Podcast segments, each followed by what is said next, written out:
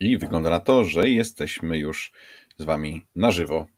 Cześć, to jest 24 y, odcinek y, Ćwierćtony Planszówek. Ja się nazywam Kuba Polkowski, Kuba P, a ze mną jest też Maciek Matejko. Matejo. Hej, witajcie wszyscy. Dzisiaj sobie porozmawiamy o różnych rzeczach, między innymi o naszych y, takich wypatrzonych, ciekawych tytułach, które pojawią się w 2023 roku na świecie, albo już się zdążają y, pojawić. Dzisiaj nie będziemy rozmawiać o polskich zapowiedziach, ale być może zrobimy jeszcze o tym odcinek, jak się ich pojawi y, troszkę więcej. E, dzisiaj będziemy gadać o tych takich premierach bardziej, bardziej globalnych. E, ale mm, miło nas widzieć, miło Was widzieć tutaj z nami. Cześć Justyna, Franek, Michał, Ania, Aoki, Magda, e, jest Adam, który jest tutaj na dodatek. Adam jest dzisiaj ze swojego prywatnego konta, co mm. trochę e, łamie moje takie poczucie, że zawsze to Iwona nas oglądała przede wszystkim. No ale mam nadzieję, że Iwona też gdzieś tam jest. Jest, jest Adam i Adam słusznie, słusznie stwierdza, że że ledwo się oderwałem od Hogwartu. Wiem, że on też, więc nie doceniam, że punkt 20. No tak, tak. I gram solo jest z nami e, Remigiusz, e, Piotr Brzuska. Cześć, witajcie wszyscy. E, zaraz porozmawiamy sobie o grach, które graliśmy w styczniu, ale zanim to się wydarzy, um, ale zanim to się wydarzy i Maciek będzie z powrotem z nami głosem. Słyszysz mnie? Ja tak, cały czas. A, dobrze. No, Może zaraz przestanę. E, to zanim zaczniemy gadać o grach styczniowych, chciałem wrzucić taką, taki szybki temacik, e, dość ciekawy mam wrażenie. E, mianowicie mm, kilka dni temu wydawnictwo Holy Grail Games ogłosiło, że niestety skończyły im się pieniądze, muszą ogłosić bankructwo. Jeżeli i że bardzo starali się dowieść wszystkie produkty, które mieli tam na Kickstarterach, między innymi e, ostatnio mieli taki duży e, deluxowy dodatek do Dominations wraz też ze wszystkim w ogóle Dominationsowym, e, parę innych projektów. No i niestety, niestety to ich wszystko przeżarło, prze, przerosło i mieli Tytana, mieli Museum Deluxe, tam jeszcze Museum Pictura i Rallyman Dirt, Rallyman Dirt między innymi. No i ze względu na to, że zwiększyły się nagle koszty wysyłki i w ogóle takiego e, transportu globalnie, mm, no to, to nie mogli tego dowieść. Na przykład dla Tytana e, koszt wysyłki wzrósł im o 400%, tak? Czyli jeżeli zakładali, że charge'ują was za 20 dolarów, to by się okazało, że to kosztowałoby 100 dolarów wysłanie czegoś takiego. Encyklopedię też e, wydali. Zresztą polski wydawca potwierdził, że mimo tego, że e, to się wydarzyło, to polski wydawca będzie dostarczał tę encyklopedię. Ja tylko chciałem powiedzieć, że, e, że takie rzeczy się zdarzają i będą zdarzać. Znaczy, firmy będą plajtować, tak? Czasami będą to wydawcy gier planszowych.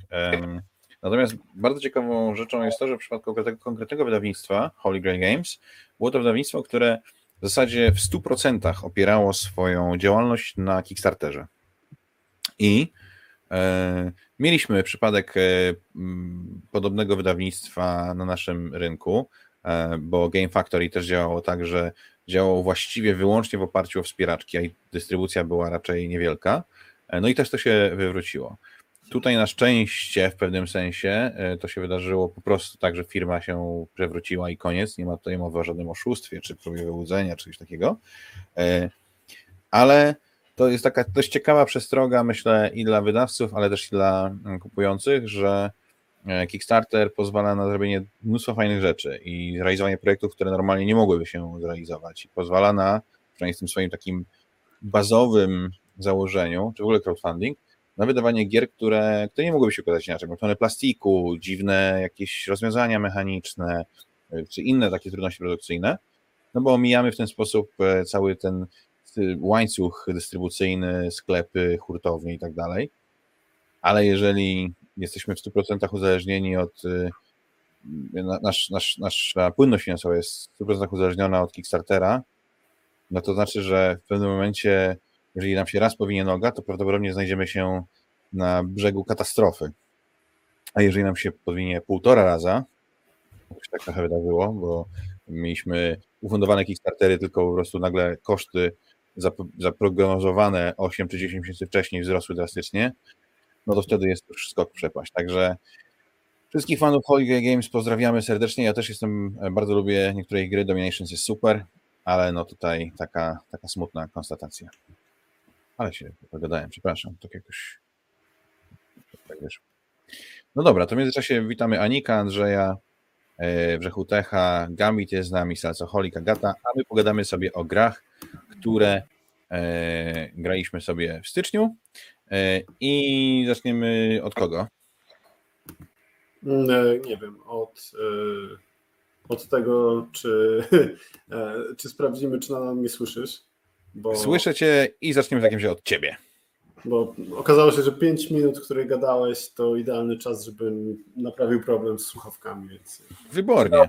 Coś, przydało się na coś. Świetnie. Ty oczywiście grałeś w Marvel Champions The Card Game.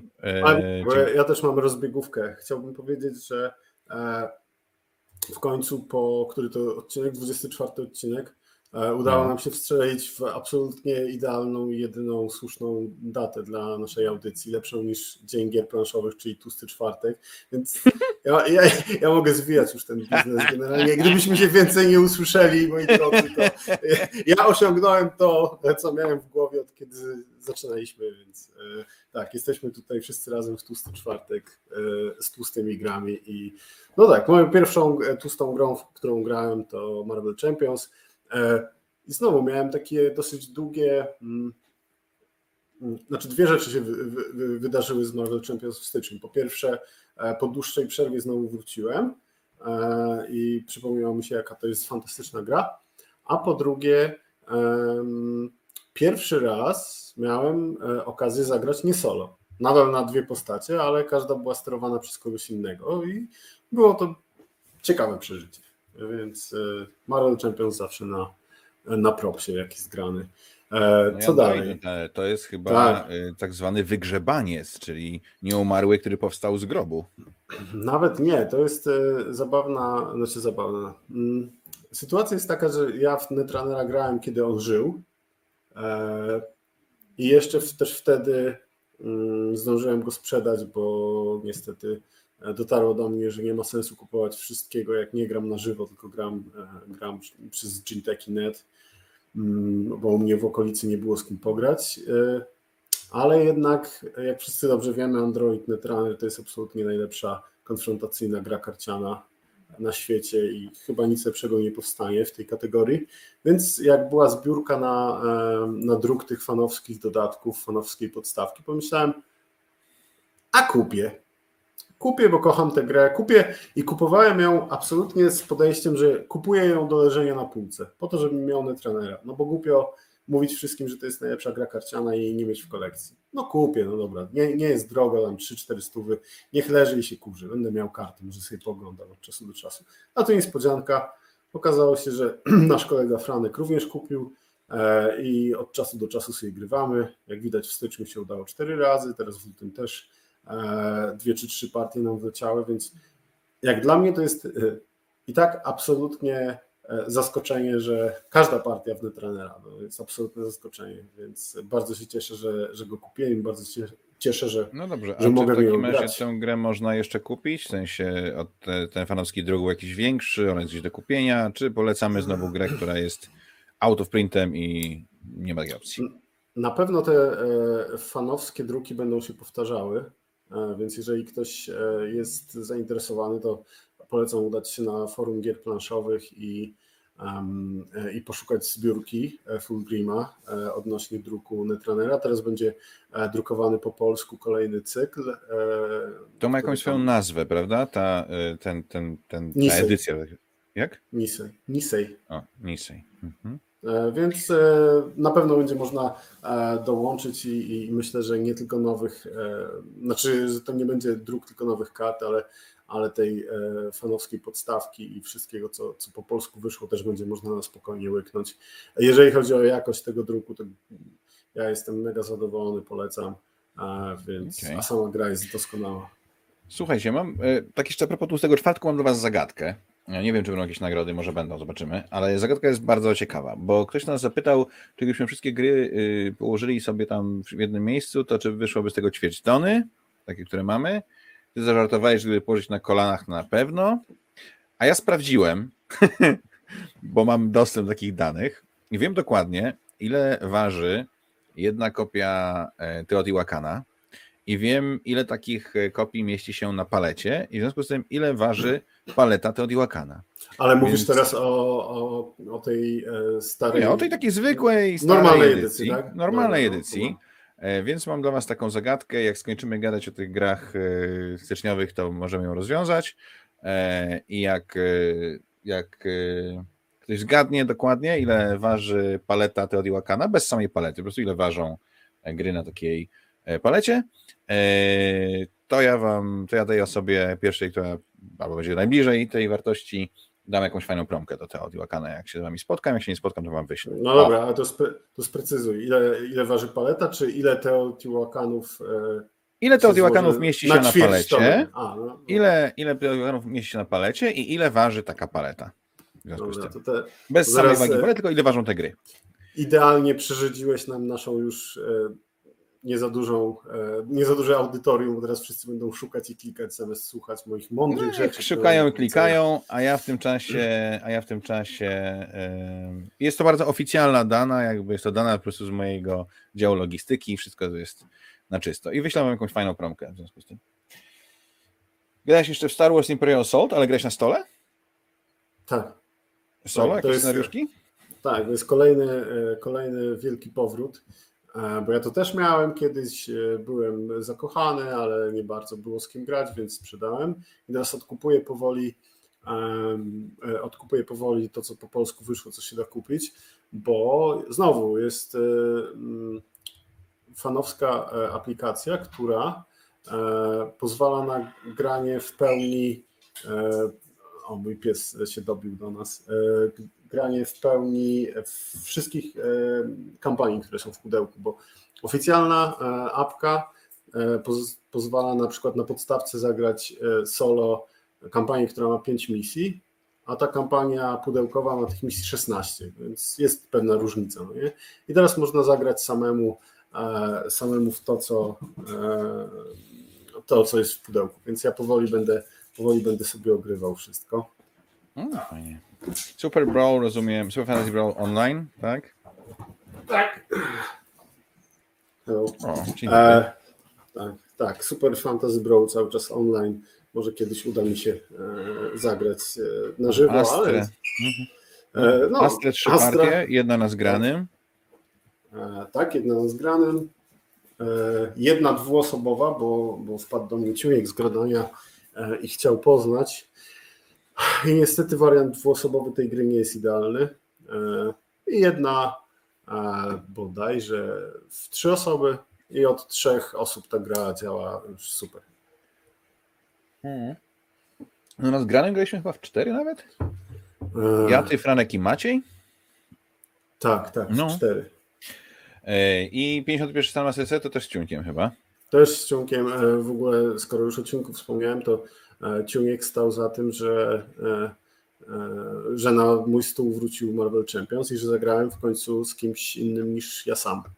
Mhm. Tak, 51 stan Master Set również przypomnienie, jaka to jest dobra gra i rozbudziła moje oczekiwania na dodatek. No to doskonale. Brian Boru, nie wiem, czy, nie, czy mówiliśmy już o Brian Boru, czy nie? Yy, znaczy, ja na pewno. Ja, ja chyba nie mówiłem. Ja na pewno grałem yy, wcześniej, przed tymi dwiema styczniowymi partiami, więc yy, na pewno już coś wspominałem, ale mm, ty miałeś teraz okazję zagrać w styczniu. I co? I Brian Boru to jest, który wyjdzie po polsku swoją drogą. To jest bardzo ciekawy miks area control i takiego dziwnego trick-takingu, co brzmi jakby miało się nie udać, a udało się bardzo dobrze. Nie wiem, jakie ty masz wrażenia. Bardzo mi się ta gra podoba. Ja bardzo nie lubię Area Control, bo zwykle jest e, zwykle jest za, dla mnie za, za dużo negatywnej interakcji, ale tutaj to nie jest Area Control, to jest bardziej Area Majority, w sensie sypiemy się tak, żeby tam być bardziej niż ktoś inny w danym miejscu. Też sobie właściwie nie niszczymy nigdy tych rzeczy. No cztery razy w trakcie gry można komuś tam coś tak tymczasowo przykryć. On będzie miał być może opcję odzyskania tego swojego guziczka, więc to mnie nie boli. Trick-takingu fanem jestem wielkim. Najbardziej przeszkadza mi to, że w pudełku brak jest listy kart, więc ja nie wiem, które karty są w jakim kolorze, i to mi to, ale tych kart jest tylko 25, więc to, umówmy się, nie jest dramat. Mm. Natomiast generalnie jest, yy, jest nie, rzeczywiście yy, bardzo fajne. W sensie koncept jest zakręcony. Tego, tak, ale a propos tego trick-takingu, bo e, on jest o tyle fajny, e, że każda karta ma górę i dół. Licytujemy się o, o konkretne miejsca e, i tak, jeżeli e, wygramy e, ten trik, to zdobywamy konkretne miejsce, konkretne miasto, co wiąże się z tym, że odpalamy górę karty. Góra karty zawsze daje miasto i czasem daje nam pieniądze, jeżeli ta karta jest niska, czasem musimy zapłacić, jeżeli ta karta jest wysoka. Czyli jeżeli uda nam się trik wygrać niską kartą w kolorze, no to jeszcze zarobimy na tym. Ale nagrodą zawsze będzie miasto. Natomiast pozostali gracze, którzy w tym triku przegrają, e, rozpatrują dół e, karty. I tam już akcje i, i korzyści z tej karty są przeróżne, e, co daje bardzo duże pole do kombinowania, jaką kartę zagrać. Czy po pierwsze, czy ja, ja chcę wygrać tę miejscówkę, czy ja chcę zgarnąć coś z karty? No dobra, czy on będzie bardzo wysoko grał, bo on chce e, wygrać te karty, czy może będzie próbował niską przemycić? Co ja mogę zagrać, żeby przegrać ten trik? To też jest ciekawe myślenie, którego w trick takingu nie widziałem. E, co ja mogę zagrać, żeby bezpiecznie przegrać e, tę rękę, żeby odpalić te inne efekty z mojej karty? Super, super gra i ja gorąco zachęcam wszystkich fanów trick takingu do sprawdzenia, bo jest bardzo, jedyny, minus, jedyny minus, że działa od trzech osób. No tak. Eee, dobrze. Słuchajcie, idziemy dalej. Tutaj odpowiedzi konkursowe padają bardzo ciekawe. Bardzo ciekawe. Eee, campaign Trail. Aha, jeszcze po drodze chciałem tylko przywitać parę osób, eee, bo jest z nami Agata, Bittersweet, um, Pansowa, Szymon, Chasing Ghost. Jest też najlepsza z żon, Anna. Witamy Cię, Anno. Uczeszę jakoś bardziej. Eee, Jano Maro pyta, czy Telegram Deluxe będzie można wesprzeć polską wersję na kampanii e, na Kickstarterze. Odpowiedź brzmi: Nie wiem, nie sądzę, bo, bo bardzo rzadko robimy e, mieszane wersje. Mm, więc zakładałbym, że nie. To jest e, taka odpowiedź, natomiast nie potrafię Ci powiedzieć na 100%, więc sorry. Yy, no i cześć są Amazingly Bad. Campaign Trail to była kolejna gra, w którą zagraliśmy obaj. Zagraliśmy ją dwa razy, bo zagraliśmy ją raz y, solo, prawda? Tak, wszystko się zgadza. E, I po, po partii solo miałem mm, takie wrażenie, że sam system jest fajny, system wyboru akcji, e, zagrywania kart jest sprytny, ale zmęczyła mnie obsługa, bo raz, musiałem e, cały czas e, żonglować swoimi znacznikami na wielkiej e, mapie USA, dwa, że musiałem obsługiwać bota i żonglować znacznikami bota, co było takie dosyć upierdliwe, ale myślałem, no, to jest całkiem sprytne, ciekawe jak będzie się grało na dwie albo trzy osoby. No i zagraliśmy na zgranym wawrze we trójkę. No i co? I może ty powiedz pierwsze swoje wrażenia. No, mnie się gra bardzo podoba. Ja mam, e, ja mam absolutnie, mm, ja mam absolutnie wielki sentyment do gier takich e, politycznych, więc dla mnie e, Making the President 1960, czy, czy, czy tam wszystkie zimne wojny 1.99, czy campaign Manager, taka mniejsza wersja prezydenta są super. Tutaj obietnica była podobna, że w trzy osoby będziemy się ścigać o prezydenturę Stanów Zjednoczonych, co już samo w sobie jest zabawnym konceptem, no bo jednak w tym dualistycznym systemie partyjnym tam bardzo mało jest miejsca na, na trzecią partię, ale, ale da się. Tam jeszcze są libertarianie, zieloni i tak dalej. Tak, można grać we e, cztery osoby nawet, znaczy e, na cztery partie, bo w osób to maksymalnie sześć. Nawet osiem tak? można chyba zagrać, tak? Nie, sześć, tak? 8 nie, 6 maksymalnie, ale 4, 4 partie mogą grać, więc 4 osoby, każdy będzie grał sam. Okej, okay. natomiast y, no, gra niestety, oczywiście jest wrażenie po pierwszej partii, wydaje się być y, śmiesznie przewalona, to znaczy ktoś postawił na taki, taką filozofię designu, że jak damy bardzo dużo prze, prze takich przekichanych efektów, takich, takich to one się będą wzajemnie balansować, bo tutaj damy Ci możliwość wywrócenia połowy planszy do nogami, tutaj damy Ci możliwość kupowania rzeczy za darmo, tu możemy damy Ci możliwość tego, więc jak dasz odpowiednią dużą y, e, liczbę takich rzeczy, no to one się wzajemnie powinny, dążąc do nieskończoności, powinny się balansować, bo jeżeli wszystko jest przepałeżone, to znaczy, że nic nie jest przepałeżone, tak?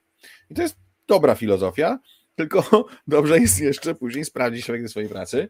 No my, tam tutaj w pierwszej partii y, takie miałem wrażenie, że jednak balansu tam tak eh, setup jest przekichany, bo to się setupuje strasznie długo. Myśmy to w trzy osoby robili za 45 minut. Sam setup. E, nie, nie, nie, nie. Wydaje mi się, że, że przesadzasz trochę.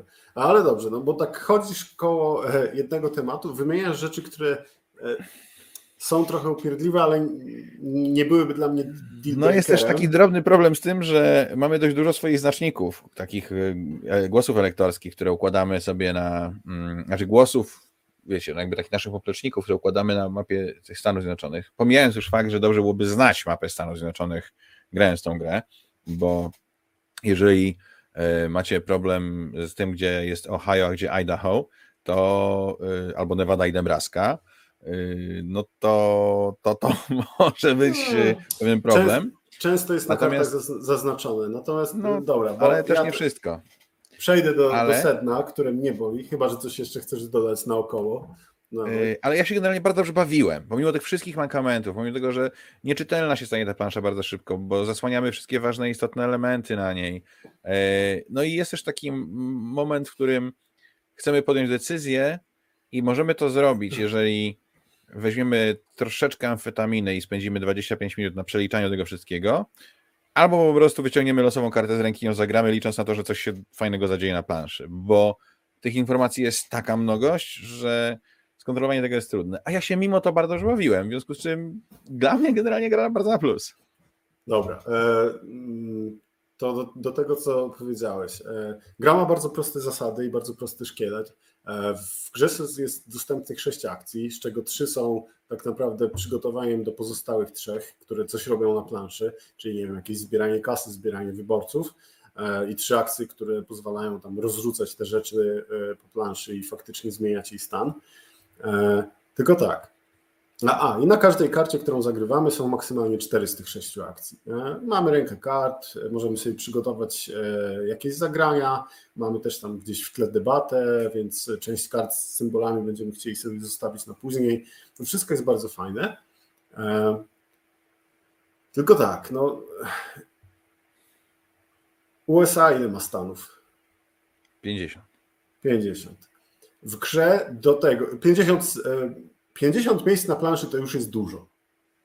Gdyby to, to się kończyło w tym momencie, tak jak jest w, w 1960, to już jest sporo do ogarnięcia, bo no. to jeszcze nie są symetryczne pola, tak? bo one mają różne wartości. E, Niektó o niektóre warto się bardziej bić, a niektóre mniej. 50 pól. E, do tego 16 e, albo 20 symboli. Bo to nie jest tak, że, że te stany po prostu są. Te stany mają jakieś tam swoje mm, polityczne zainteresowania. Na przykład, nie wiem, e, w Teksasie interesuje mieszkańców e, dostępność do broni, tak? W, w Nowym Meksyku sprawy imigrantów i tak dalej, i tak dalej. Więc na jedną warstwę z 50 stanami, mamy nałożoną drugą warstwę z różnymi symbolami i to już jest taki pierdolnik, którego bez amfetaminy naprawdę się nie ogarnia. Ale okej, okay, gdyby to było tak, że każda karta pozwala się dorzucić w jednym konkretnym miejscu, to nadal to można by było ogarnąć, ale nie. Masz kartę, która mówi ci, możesz dosypać wyborców w każdym e, stanie, który interesuje się opieką zdrowotną. I patrzysz na to no dobra, jest pięć takich stanów. Jeden mnie interesuje, więc pewnie chcę zrobić tę akcję. I zupełnie tak przypadkowo, bo chcę zrobić jedną akcję, powiedzmy, dorzucić wyborców w stanie Nowy Jork, gdzieś tam coś tam dzieje się zupełnie obok. I dla mnie to było tak niesatysfakcjonujące, e, tak mocno losowe, nie przez to, że gra ma E, jakąś strasznie losowość, straszną losowość w doborze kart czy coś takiego, tylko losowość ruchów graczy, bo gracze po prostu sami nie do końca ogarniają, co się dzieje na tej planszy. Gdyby to było, już kończąc, gdyby to była gra w takim samym, na, oparta na tym samym szkielecie, ale o wyborach w Polsce, gdzie mamy odpowiednio mniej pól i gdyby nie było tam 16 czy 20 symboli zainteresowań, tylko 5, to myślę, że mój mózg by to ogarniał i dużo lepiej bym się przy tym bawił, bo e, większy procent moich zagrań byłby przemyślany, a nie no dobra, to chyba nie będzie najgorsze, co mogę w tej sytuacji zrobić, więc może to zrobię. No niestety, ja jestem, ja jestem rozczarowany. To, to jest niezła gra, która ma potencjał, ale obsługa i, e, i ten bałagan na planszy zabijają mi Friday. Ja chętnie zagram jeszcze dwie osoby. No, dobrze. Pewnie to zrobimy. Zagraliśmy też e, w Turbo, czyli wyścigóweczkę taką, która w oryginale nazywa się Hit. Graliśmy w to przynajmniej dwa razy, bo raz graliśmy w gronie wyłącznie dorosłych, a drugi raz graliśmy jeszcze z moją niespełna 12-letnią Helą. I no na mnie gra zrobiła bardzo duże wrażenie. Świetne, bo ja bardzo lubię gry wyścigowe w ogóle. E, natomiast e, ja w tych grach wyścigowych często przegrywam w trakcie, w połowie gry, bo się rozbijam o coś i koniec, a tutaj z tym rozbijaniem się nie jest tak źle. Bardzo inteligentne budowanie talii, bardzo fajny pomysł na oddanie tego, jak tam nam się właśnie ten tytułowe, e, tytułowe turbo przegrzewa, tytułowy, tytułowy hit, jak, Się nam, tak. jak się nam silnik nagrzewa, jak to, jak to przegrzewanie się tego silnika wpływa na to, co możemy robić. Bardzo modułowa gra, bardzo przystępna, prosta w, w odbiorze i, i, w rozegraniu, dająca dużo frajdy, fajnie się też samo balansująca, bo jednak za każdym razem jak grałem, to jeżeli ktoś wygrywał, to wygrywał na końcu, nawet jeżeli wygrywał dużą, mm, dużą przewagą, ta przewaga objawiała się dopiero na końcu. Nigdy nie było tak, że w połowie gry myślałem sobie, eee, to już tak nie mam szans, jeździć. Tak już przypadło. Jeździć. Bo ten, kto no. jedzie pierwszy, ten nie korzysta, wiesz, ścienia e, aerodynamicznego przeciwników, więc to trzeba mieć tak, rozkminione. Także e, bardzo tak, bardzo mi się podoba gra. To jest e, dużo lepsza wielka pętla dla mnie. Mam masę frajdy z tego, bo tu mogę pokminić, ale też jest losowość na odpowiednim poziomie. Więc jak jadę bezpiecznie, to najprawdopodobniej jadę wolno. Jak chcę trochę przyspieszyć i zrobię to w nieodpowiednim momencie, bo, bo bo na przykład karty, e, które chciałbym dociągnąć, e, już zagrałem i, e, i, i nie zapamiętałem tego, no to w, w, wywali mnie na, na zakręcie. Ale to wszystko, to wszystko mi tutaj pasuje i to naprawdę z tą grą mam tylko jeden problem, że jest taka droga. Gdyby była trochę tańsza, to bym miał sobie. A ile ona kosztuje? 250 zł, coś takiego. No to rzeczywiście dość duże, jak no, na dość jak, jak na to, co tam jest, prawda? prawda? I to jest, jest jedyne, co, co mam, ale myślę, że prędzej czy później e, może jakąś używkę. E, zagraliśmy, zagraliśmy też w Mindbug e, i jest to gra, którą odruchowo właściwie zmieszaliśmy z błotem, obaj.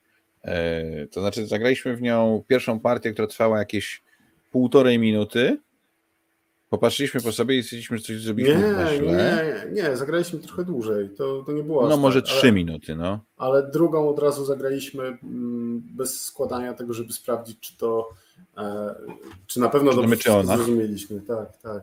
No i niestety wszystko zrozumieliśmy. I, I niestety to było bardzo nieprzyjemne doświadczenie. E, mnóstwo pozornych decyzji, losowość. Brak wiedzy na temat tego, co może się wydarzyć przeciwnika i nie wynikającej z tego, że nie znamy gry, tylko z tego, że gra zakłada ten brak wiedzy. E, to wszystko sprawia, że Mindbug w naszym odbiorze był czymś pomyłką, w sensie jakimś mm. takim zupełnie. Natomiast, natomiast ja rozmawiałem później z kilkoma osobami, których zdanie sobie bardzo cenię, które przekonywały mnie, że powinien zagrać Mindbuga jeszcze raz i, i spróbować y, oddać się właśnie tym taktycznym decyzjom, blefom i tak dalej, i poczuć w tym netranera i kolekcjonerskie karcianki i tak dalej. Okej, okay, dam szansę. Na razie to jest 4 na 10 i naprawdę to było straszne. E, ale nie mówię nie. Jakby chętnie zagram z kimś, kto jest pasjonatem i mi pokaże, jaka ta gra jest wspaniała, bo ona zbiera dobre oceny i w ogóle lubię się przekonywać o tym, że czegoś dobrego nie zauważyłem w grze. No. Ja mam bardzo podobne wrażenia z, tym, z tą różnicą, że ja już raczej nie będę grał i nie będę dawał się nikomu przekonywać, bo ja doskonale wiem, co ludzi bawi w tej grze i to są niestety rzeczy, które mnie nie bawią. Mi szkoda czasu na, na to. Wolę, wolę wyciągnąć proste Hero Realms, serio, i zagrać sobie w coś, co ma dla mnie więcej sensu niż, e, niż Mindbug, więc mm, ja rozumiem, że kogoś może taka taktyczność bawić, mnie nie bawi. Transformacja Marsa, gratuluję, to zawsze wspaniale grać. A Tive zagrałeś, e, czyli grę, którą ja Ci miałem okazję wytłumaczyć i która to gra yy, sprawia, sprawiła na mnie wrażenie gry w której nie mam za wiele do odkrycia i która za bardzo nie ciągnie mnie do grania jeszcze raz, ale ma niesamowicie połączony temat z mechaniką. To takie moje wrażenie. No tak, tylko że hashtag nikogo, w sensie temat w grach euro. Y, sorry, ale nie oczekuję, nie po to kupuję Rosenberga, żeby się jarać klimatem w jego grze. To jest absolutnie, to może być lukier, ale jak polukrujesz karton, to to nie będzie najlepszy deser w Twoim życiu. Nie mówię, że Activa jest aż tak zła, ona jest poprawna. Ona wygląda jak gra, którą się robi po to, żeby utrzymać coroczny cykl wydawniczy e, i żeby nazwisko e, nie straciło na mocy. I to jest bardzo poprawny worker placement w rosenbergowskim stylu, który ma jedną ciekawostkę mechaniczną, czyli ten tak jakby, to nie jest rynek, no zamkniętą pulę zasobów, gdzie e, wszystkie zasoby, które mamy są albo do naszej, w naszej dyspozycji, e, albo jakie wydajemy, to wracają na naszą planszetkę, zmniejszając nasz dochód, dopóki znowu ich tam nie przełożymy. I to jest e, bardzo ciekawe przez pierwsze pół partii, a później człowiek już się z tym opatrzy, zrozumie jak to działa i Yet dla mnie to jest takie 6, takie 6,5 ukośnik 7 na 10 i dla mnie to wygląda trochę tak, jakby profesjonalny zespół deweloperski dostał zlecenie na zrobienie gry Uwego Rosenberga. I to jest naprawdę to... dobrze zrobiony, rzemieślniczy produkt, taki hej, tam wszystko jest to, co powinno być, w Rosenbergu jest ciekawe, no świetnie, mówię, odkładamy na bok to, że jest to jedno z najbardziej niesamowicie łączących tematykę z mechaniką gier euro, jaką znamy i ukłon wielki za to ale yy, ale faktycznie nie ma tam tej iskry bożej, nie? To jest dobre, to jest poprawne euro, ale nie ma Rzemieś, Rzemieślnicze. To e, ty powiedziałeś, zespół projektancki to jest e, e, jakby ktoś poprosił sztuczną inteligencję, żeby zaprojektowała grę Rosenberga, to ona by tak wyglądała. No, troszkę obrażasz, ale, ale Nie, okay. sztuczną inteligencję W międzyczasie wita... witamy w międzyczasie Marka, Carlosa, Grzegorza, Agnieszkę, Pawła, no i Bartka Chlebickiego i Jakuba Wesołowskiego. Cześć, witajcie. E, tak, Bartek, który, też... Bartek, który e, ja bardzo szanuję, że on przychodzi i najpierw rzuca żartem, później się wita. To jest, to jest bardzo dobre podejście, tak powinno być. To prawda, zaraz będziemy rzucać żartami, bo będziemy rozmawiać sobie o grze w stronę Słońca, ale zacznijmy od Detective City Avengers, czyli grze dedukcyjnej. Tak, tak. Bardzo dużo do, dobrego słyszałem o niej. E, I w zasadzie ciężko mi, ciężko mi to jakoś opowiedzieć, bo to jest mm, fajne przeżycie, ale średnio fajna gra. Mm, rozwijając to, mm, ja się nie bawiłem źle, ale to jest taka gra na zasadzie e, jakiejś komputerowej przygodówki point and click. No i, to, tylko, że na planszy. I co bardzo fajne, osoba, która jest tutaj mistrzem gry, bo my graliśmy we dwójkę, my z Kubą byliśmy detektywami, którzy e, ścigali, żeby rozwiązać, e, rozwiązać sprawę, a nasz kolega Franek był grą. E, wręczał nam odpowiedzi świadków, mówił nam, co znaleźliśmy, przeszukując odpowiednie no, miejsca i tak dalej, i tak. Ale co ciekawe, on też mógł wygrać. No I on też e, próbował e, rozgrywać to w taki sposób, żeby oczywiście zgodnie z zasadami i, i z tym, co, na co gra mu pozwalała, żeby nie dawać nam idealnych odpowiedzi, żeby próbować nas trochę zmylić, e, bo jeżeli nikt nie, nie, nie rozwiąże sprawy, to wtedy ten mistrz gry wygrywa. I to jest bardzo ciekawe podejście do gier tego typu i bardzo fajne, że to działa, bo to mechanicznie działa, znaczy ta możliwość wygrania przez tego mistrza gry, natomiast co do samej rozgrywki, ona była taka dosyć niesatysfakcjonująca. W sensie ja nie bawiłem się źle, ale to bardziej e, jeżeli chodzi właśnie o takie odczucie, e, o experience, a nie o, o grę samą. Nie wiem, czy chciał, o, nie wiem, czy chciałbym zagrać w jakąś kolejną sprawę. Mam wrażenie, że, że bardzo jak na, na to, jak, jak krótkie jest to śledztwo, jak mało mamy zasobów, e, raz sporo czasu trzeba było spędzić, sporą liczbę akcji trzeba było tak naprawdę spalić po to, żeby E, dobrać kasę, którą później się wydawało na pozyskiwanie dodatkowych informacji. E, więc to takie wydaj akcję teraz, żebyś później nie musiał jej wydawać i żebyś mógł na przykład podsłuchać e, odpowiedź, którą dostaje twój przeciwnik. Mm, poza tym było to też mocno losowe, mam, mam wrażenie. I, I, nie wiem na ile to ja wygrałem, znaczy wiem, że ja wygrałem, ale nie wiem na ile to ja e, wygrałem, a na ile e, miałem po prostu e, większego farta i, i przez przypadek poszedłem w lepsze miejsce i zapytałem odpowiednich ludzi. Ty? Ja nie lubię gier dedukcyjnych i tak gra mnie nie przekonała. Koniec. Ale to, co wziął Maciek, jest prawdą. Distance Suns, czyli Stronę Słońca. Gra która po polsku okazała się nakładem wydawnictwa Lucrum Games i która jest wykreślanką o tym, że tam sobie latamy i odkrywamy różne planety. Mamy karteczkę, na której są pozaznaczone całe mnóstwo różnych symboli, które musimy przykrywać lub obok których e, musimy mm, sobie nasze kształty umieszczać. E, cała mapa jest heksowa te kształty, które mieszkamy, polegają na tym, że obrysowujemy kształty na heksach, obrysowujemy, nie wiem, heksy w kształcie jakiegoś takiego półksiężyca, półrogala, tak? Tam cztery heksy obok siebie. Albo heksy w kształcie kółeczka, albo heksy w kształcie jakiejś tam poskręcanej kreseczki, albo takiego trójkącika, shurikena i tak dalej. Ale, ale, ale, musimy później móc rozpoznać te kształty na koniec gry, żeby dostać za nie punkty. Musimy wiedzieć, co czym przykleiliśmy, musimy wiedzieć, co z czym sąsiaduje, co czego nie dotyka i co dokąd doleciało. To sprawia, że w momencie, w którym zaczynamy w tą grę grać, to już nasz mózg się trochę łamie, bo musimy sobie wyobrażać, jak tam te kształty będziemy wyrysowywać na tych heksach. Umówmy, że to jedni mają, inni mają tej zdolności, to jest jakaś tam osobnicza rzecz. Ale później i tak musimy powrysowywać obrazki w te kształty, żeby wiedzieć, co myśmy tam narysowali, więc przestajemy widzieć symbole pod spodem, albo ewentualnie nie rysujemy ich na tyle dokładnie, żeby wiedzieć, co narysowaliśmy gdzieś tam. Po prostu rysujemy to ołówkiem, w związku z czym to wszystko jest po prostu pozlepianą ścianą zarysowanych heksów. Koniec końców sprawia to, że ta gra w moim odczuciu to jest takie 1,5 na 10, bo ta gra jest na granicy bycia niegrywalną, zepsutą.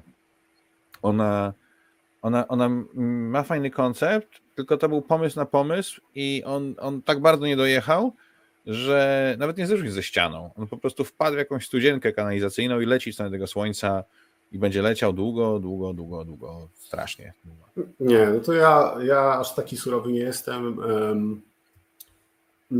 Tak gra to jest a, po prostu taka sobie wykreślanka, mechanicznie działa. E, ma śmieszny system wyboru akcji albo powiedzmy kształtów, które będziemy wyrysowywać, bo e, wybierając to, co będziemy sami rysować, wybieramy też to, co mm, będą wszyscy przy stole rysować, więc możemy czasem zagrać. Że wszyscy e, pozostali. Mhm. E, tak, bardziej pod to, e, żeby innych wsadzić na minę, niż a, a samemu, no dobra, gdzieś to i tak będę mógł rysować. No i zmienna punktacja, no wszystko jest takie poprawne, ok. No, takie powiedzmy 6 na 10. Natomiast przez to wszystko, co powiedział Kuba, ta ocena idzie na pół, bo obsługa, czytelność tej gry jak dla mnie była skandalicznie przeszkadzająca w odbiorze, więc z tego takiego, wiecie, mech na 10 zostało 3 na 10. I no ja bym dał 6 albo nawet 7, bo pomysł fajny, ale po prostu gra w moich no. oczach niegrywalna. Mój mózg robi i to nie dlatego, że gra jest trudna, tylko dlatego, że moje oczy się błąkają po tym. Nie, straszne. No dobrze. Yy, mm, Get on Board, Nowy Jork i Londyn. Ja już to chyba grałem poprzednim miesiącu, a ty ostatnio dopiero. Tak, i jakoś. Też wykreślaneczka. Tak, też nie jestem podekscytowany. E, trochę za ciasne jak dla mnie i mam wrażenie, że mimo tego, że można patrzeć co już schodziło i, e, i planować trochę pod to, e, widzę jakie jeszcze karty wyjdą i jakie związane z nimi kształty będę mógł rysować, to miałem jednak wrażenie, że wtedy kiedy potrzebowałem, żeby wyszło coś konkretnego, to jak na złość wychodziło coś zupełnie innego i no, nie miałem za bardzo, za bardzo w tym frajdy, więc... Witamy Kachima. E, zagrałeś e, w Graj w Zielone. Tak. To jest taka imprezóweczka, która gdzieś tam e, ja ją chyba pierwszy raz widziałem półtora roku temu wakacje. No i teraz od czasu do czasu się pojawia. Moja córka też ją bardzo lubi. A twoje wrażenia? Bardzo sprytne. Mimo tego, że koop to, to całkiem fajnie się, się to grało. Sprytny jest ten motyw, że, że piszemy hasła na podstawie ułożonych kart, które mają, znaczy nasze hasła mają pasować do pary słów z ułożonych kart, a później e, te karty tasujemy, obracamy, dodamy, dodajemy jeszcze jedną e, losową. losową i dajemy reszcie drużyny, żeby, e, żeby próbowała jakoś po, poobkręcać te karty i do każdego naszego hasła przyporządkować dwa, dwa słowa. Najtrudniejsze w tej grze jest e, siedzieć i zachować kamienną twarz, jak e, słyszy, słyszy się burzę mózgów obok i tak. tak połowa, no tak, tajaka, połowa, tak, połowa, połowa czasu o Jezu, oni mają rację, jak mogłem być takim debilem i dać takie skojarzenia, a druga połowa, o Jezu, dlaczego oni są tacy głupi i jak mogą nie widzieć tego oczywistego skojarzenia. Więc... No tak. Ale bardzo, bardzo się dobrze bawiłem, mimo że tylko. Zagrałeś w Studium Szmaragdzie w tą nową edycję, nową, w sensie tak, w drugą tak. edycję, czyli drugą. edycję sprzed jakichś 8 lat. Yy, I jest to gra, którą ja od razu wyprzedzę. Ja bardzo lubię. Ja w nią gram bardzo rzadko, zwykle w wakacje, w dość określonym gronie. Ludzi, którzy siadamy zwykle tej gry około drugiej nad ranem, kiedy już wszystkie inne gry się skończyły i jeszcze my mamy siłę, więc sobie przez półtorej godziny będziemy teraz przeciągać e, linę na planszy do, do, do wpół do czwartej, popijając ostatnie piwko. E, wszyscy się przez te planszy natychmiast zaczynamy nienawidzieć i, i jest bardzo fajnie, ale nie jest to gra, którą grałbym codziennie na pewno. Nie, znaczy mm, mi się nie podobało. E, największą zaletą e, największą zaletą tej gry jest to, mm, że trwa faktycznie 45 minut.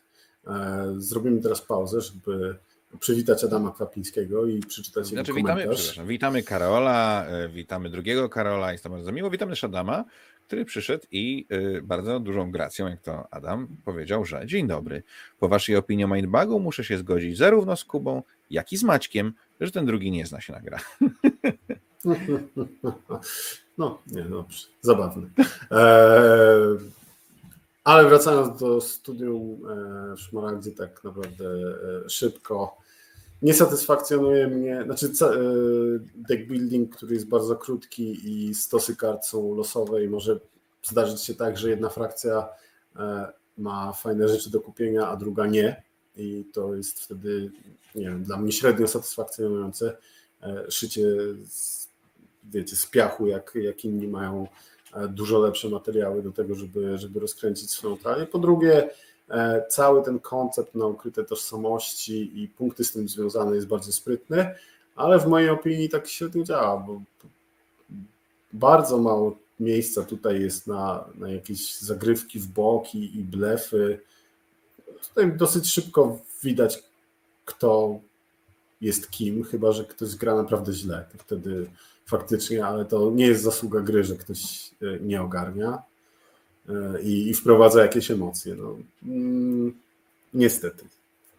No dla mnie bardzo ciekawy jest ten mechanizm, który polega na tym, że mamy dwie drużyny i na koniec gry sprawdzamy, kto był w jakiej drużynie i ta drużyna, w której jest osoba z najniższym wynikiem punktowym, przegrywa grę. I dopiero wtedy sprawdzamy, kto jest wygranym, patrząc na osobę. Nie, nie przegrywa. Nie przegrywa, tylko dostaje ten. E, Cała drużyna dostaje minusowe punkty. Karę jakąś. A, sorry, to może pierwszy tak. Faktycznie. No, tak czy siak to jest fajny mechanizm. Natomiast to jest fajne, dla ale... mnie jest to duża euro imprezówka i wolę zagrać w to 17 razy y, bardziej niż na przykład w takiego Godfathera, który pełni dla mnie tę samą funkcję, tylko jest kupią losową grą. A tutaj jest fajnie. Także, także tak. Mm, no i idę Żeg- dalej. Słuchajcie, bo Maćkowi się coś spięło chyba teraz. Village Race wygraliśmy. E, opowiadaliśmy wam o niej. To jest bardzo przyjemna dla mnie układanka 12 kart, której nagle instalizowano z takiego małego pudełeczka, w którym masz ułożyć 12 kart w prostokąciku. Robi się mózgorzer, który sprawia, że musisz naprawdę kminić, co tam trzeba zrobić. Oczywiście mózgorzer w cudzysłowie, bo ta gra jest cały czas losowa i cały czas ma jakieś swoje ograniczenia, ale jak na 25-minutową e, wykładankę jest bardzo fajna. Tak, ja za każdym razem jak wstaję od, od partii, to mam wrażenie, że to minęło półtorej godziny, a nie pół godziny, bo mój mózg mówi mi, że bardzo się spocił w tym czasie. Więc... No tak. I ostatnia gra, w którą zagrałeś jeszcze, to był Welcome to, czyli jeden z twoich chyba ulubionych wykreślanych, prawda? Tak, tak. Powrót po, po bardzo, bardzo długim czasie nieobecności na stole, żeby przypomnieć sobie, jakie to jest fajne. No i nadal jest fajne. Nic się nie zmieniło. E, tutaj Gambit i Carlos mówią, że pierwsza edycja Studium, studium gdzie jest fajniejsza. E, no ale ja chciałem tylko przypomnieć, że zaraz będziemy mówić o grach, które ja grałem w styczniu. A na koniec tego omawiania naszych gier, które graliśmy w styczniu, rozejrzymy konkurs. E, konkurs to jest taki, ile kopii oryginalnego e, Teotihuacan mieści się na palecie i ile razem te gry ważą. E, Ten, kto będzie najbliżej, dostanie fajną promkę do Teo. E, No dobrze, co ja grałem? Grałem mnóstwo prototypów, e, bo taki, taki jest, ale jeden z tych prototypów e, mogę wam o nim powiedzieć, chyba. E, Jest taka gra, zobaczcie sobie, nazywa się Next Station London. Ja grałem Next Station Tokyo, czyli jakąś tam nową wersję tego i to jest przeciekawa wykreślanka o szyciu linii komunikacyjnych metra, jak ja tu mówię, grałem w Tokio. Mm. I jak tylko ją dorwę w swoje ręce jeszcze raz, to z ogromną radością Ci ją pokażę, bo jest naprawdę bardzo ciekawym łączeniem symboli, zbieraniem punktów za różne fajne rzeczy, fajne cele. Yy, Trochę się może oko gubi na niej w pewnym momencie, ale na pewno nie aż tak jak w stronę słońca i daje mi dużo frajdy. Także yy, to był jeden z tych prototypów, które zrobił na mnie duże wrażenie. Doble, no to wiadomo, głównie Mandalorian, Dragomino, dziecięce gry. Ativę grałem dwa razy. Atika. Atika to jest gra, którą wyciągnąłem y, z półki po bardzo długim czasie niegrania. To właściwie zasługa Macieja w tym jest ogromna, ponieważ Maciej e, pod koniec zeszłego roku, czy na początku tego, powiedział mi, że robimy taki challenge, że przez cały pierwszy kwartał nie kupujemy żadnych nowych gier, tylko ogrywamy to, co stare. Ja się strasznie tego zapaliłem i bardzo się tego pilnuję. Maciek ma wrażenie, bardziej zapalił się do patrzenia, jak ja się z tym męczę. Nie, nie, ja kupuję, ale nie wrzucam na stół. To nadal jest e, ten. Natomiast no właśnie dzięki temu gram w starsze tytuły.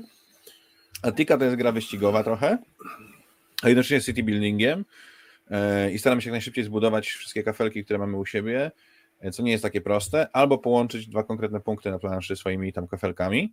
No, duża frajda. Bardzo lubię ten tytuł. E, Brian Bory już omawialiśmy. E, Co tam mamy dalej? E, Duszki. Zagrałem w Duszki pierwszy raz od bardzo dawna. Ja Duszki kocham.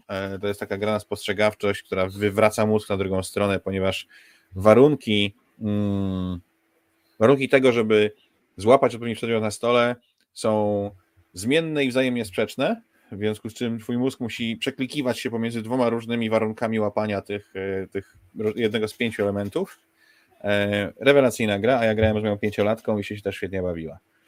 O Turbo już mówiliśmy, Mouse Mount to jest Uno, o kotach, o Mindbugu gadaliśmy. Snowdonia. Uwielbiam tą grę. Uwielbiam tą grę. E, mogę nią grać i grać i grać. Ostatnio sobie zrobiłem separatory do kart, które tam mi jeszcze dodatkowo ułatwiają setup. No mnóstwo frajdy. E, Jest to jeden z moich absolutnie ukochanych Eurasków. Trwa e, bardzo, można zagrać partię w 45 minut do godziny. E, Świetnie się skaluje. Ogromnie satysfakcjonujący tytuł i bardzo Wam go serdecznie polecam. Zwłaszcza, że teraz wrócił, już on nie należy do NSKN, wrócił do Tony'ego Boydela, który będzie robił chyba nowego Kickstartera na niego, więc będzie można znowu kupić, bo gra jest zupełnie out of print. Splendor Duel.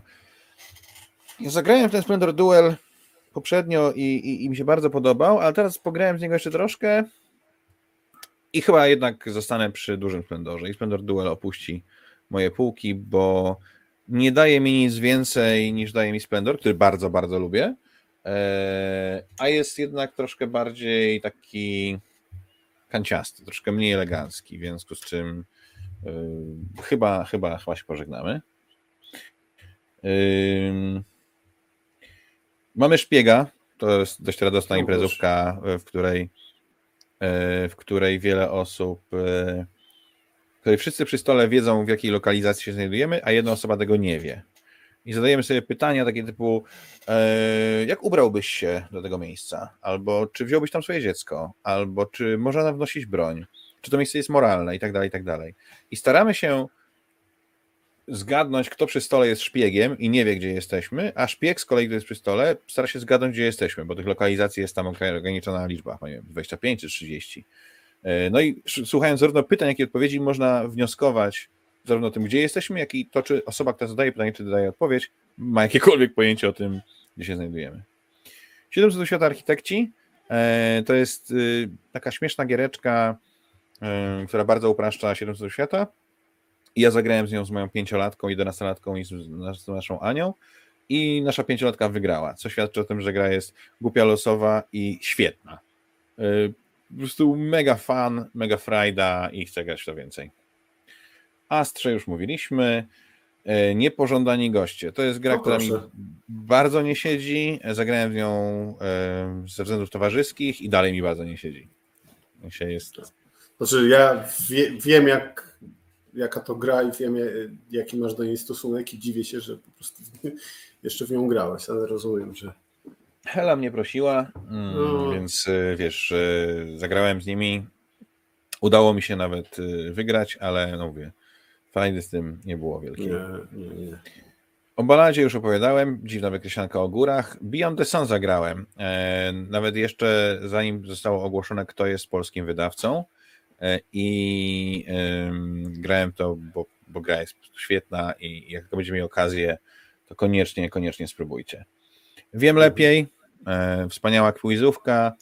Brothers to jest gra, która po polsku została wydana przez Muduko jako sąsiedzi. I leżało mi na półce i leżała, i leżała, i leżała, i, i nic tam jakby nie, na nią nie sięgałem, aż w końcu po nią sięgnąłem, przeczytałem zasady w jakieś dwie minuty, zagrałem i ojejku, jaka to jest fajna, troszeczkę asymetryczna gra logiczna w wykładanie kafelków.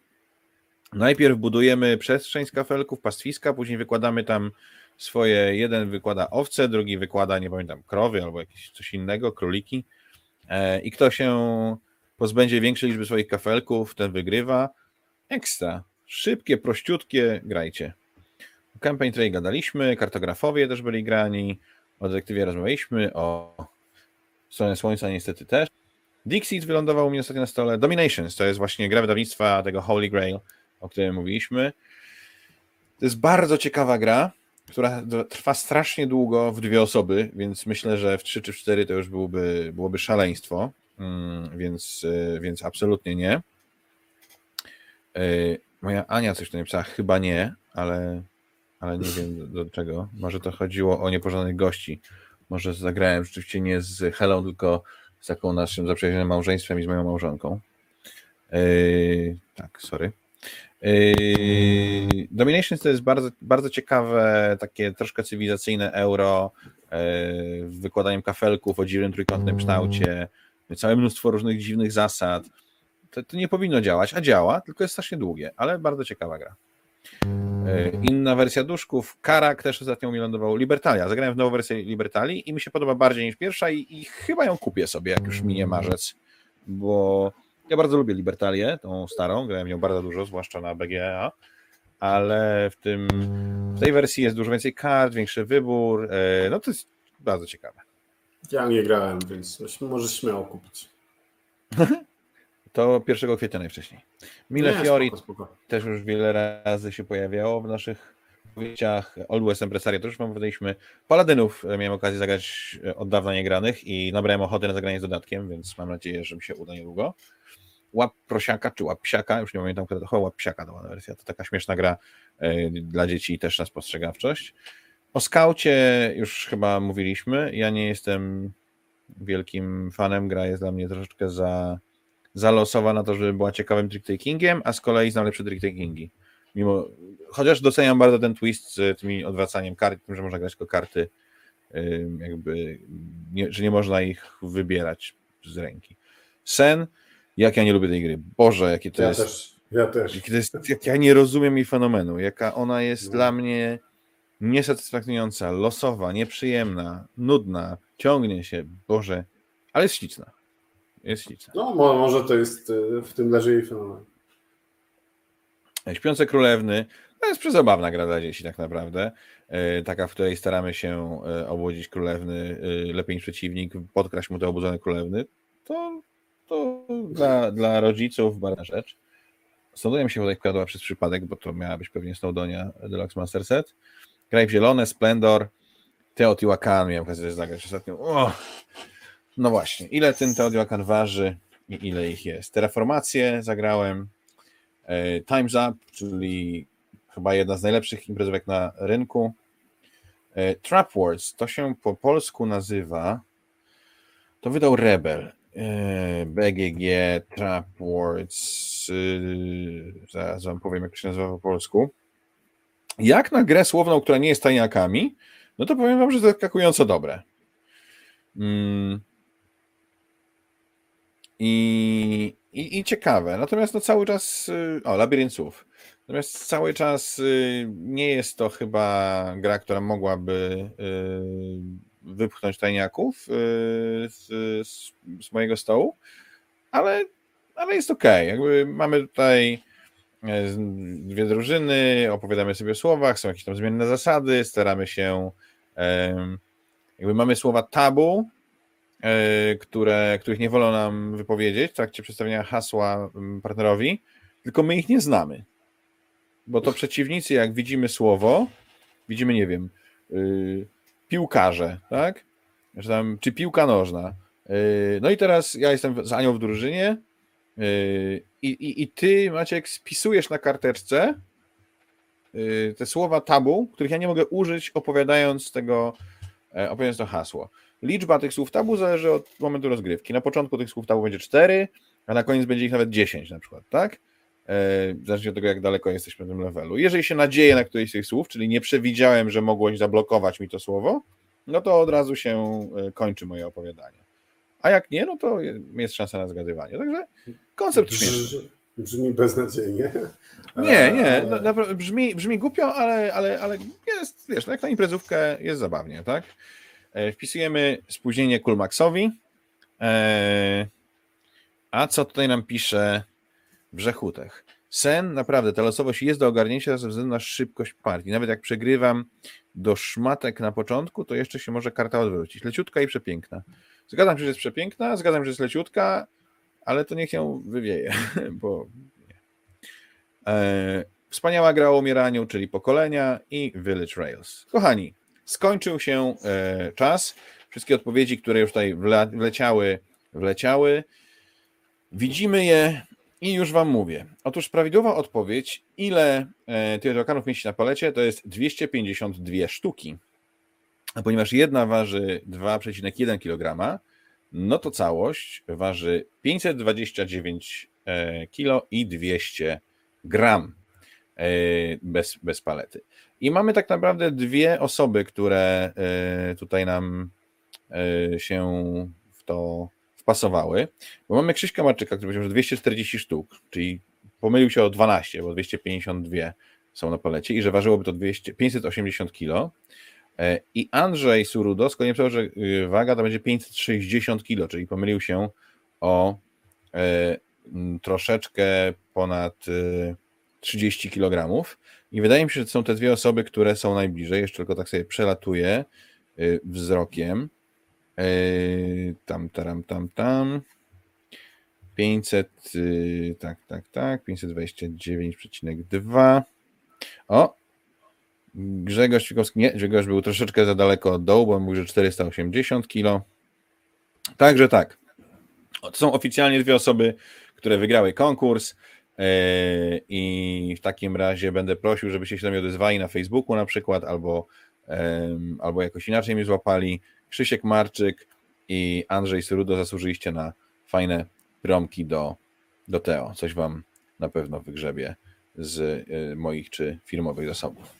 No dobrze, słuchajcie. Więc teraz będziemy sobie rozmawiać o najciekawszych, najciekawszych premierach, które mm, się pojawią w 2023 roku, albo już się pojawiły. Też mamy do tego, też mamy do tego geek listę, więc zaraz Wam tę geek listę pokażemy i sobie przejedziemy przez te, przez te rzeczy. Pam, pam, pam, pam. Gdzie są geek listy? Y, geek list, my geek list, my geek listę i ją razem e, oglądaliśmy mm, i, i, i tak. Ja myślę, że będziemy sobie przez te gry y, przechodzić e, i opowiadać więcej, co jest, dlaczego będziemy oglądać linku, to żebyś mi okno mm, tam, w środku. No dobrze, e, słuchajcie, to zacznijmy sobie w takim razie od początku. My później wam gdzieś rzucimy tą geek listę. Darwin's Journey. To jest gra, która zapowiada się, A, że, że będzie. Czekaj. Co? Momencik. No. Po pierwsze, tak, jak, jak pisze tu Anik, że trochę cię ścina, było, więc e, generalnie zróbmy jeszcze jedną rozbiegówkę, bo z tej pierwszej nikt nic nie zrozumiał. Poza tym była od ciebie. Dobra. Więc, e, w ubiegłym roku nie robiliśmy takiej listy. Robiliśmy taką listę w 2021 na samym początku e, roku. Też robiliśmy grę, najciekawsze gry zapowiedziane na 2021 i ze smutkiem, a tak, ty miałeś w, w trendkę o branży, to ja też mam. Ze smutkiem muszę powiedzieć, że e, na tej liście, której początek widzicie na ekranie, mam kilku spadochroniarzy z tej listy sprzed dwóch lat. I są to gry, których tak, przewidywana data wydania się zmieniła najpierw na 22, teraz na 23. Mam, mam, mam e, nadzieję, że przynajmniej część z nich już nie, nie przejdzie na 24 i w tym roku będziemy mogli w nie zagrać. I akurat e, Darwin's Journey jest jedną z tych gier, które już wtedy były na liście i teraz nadal są na liście.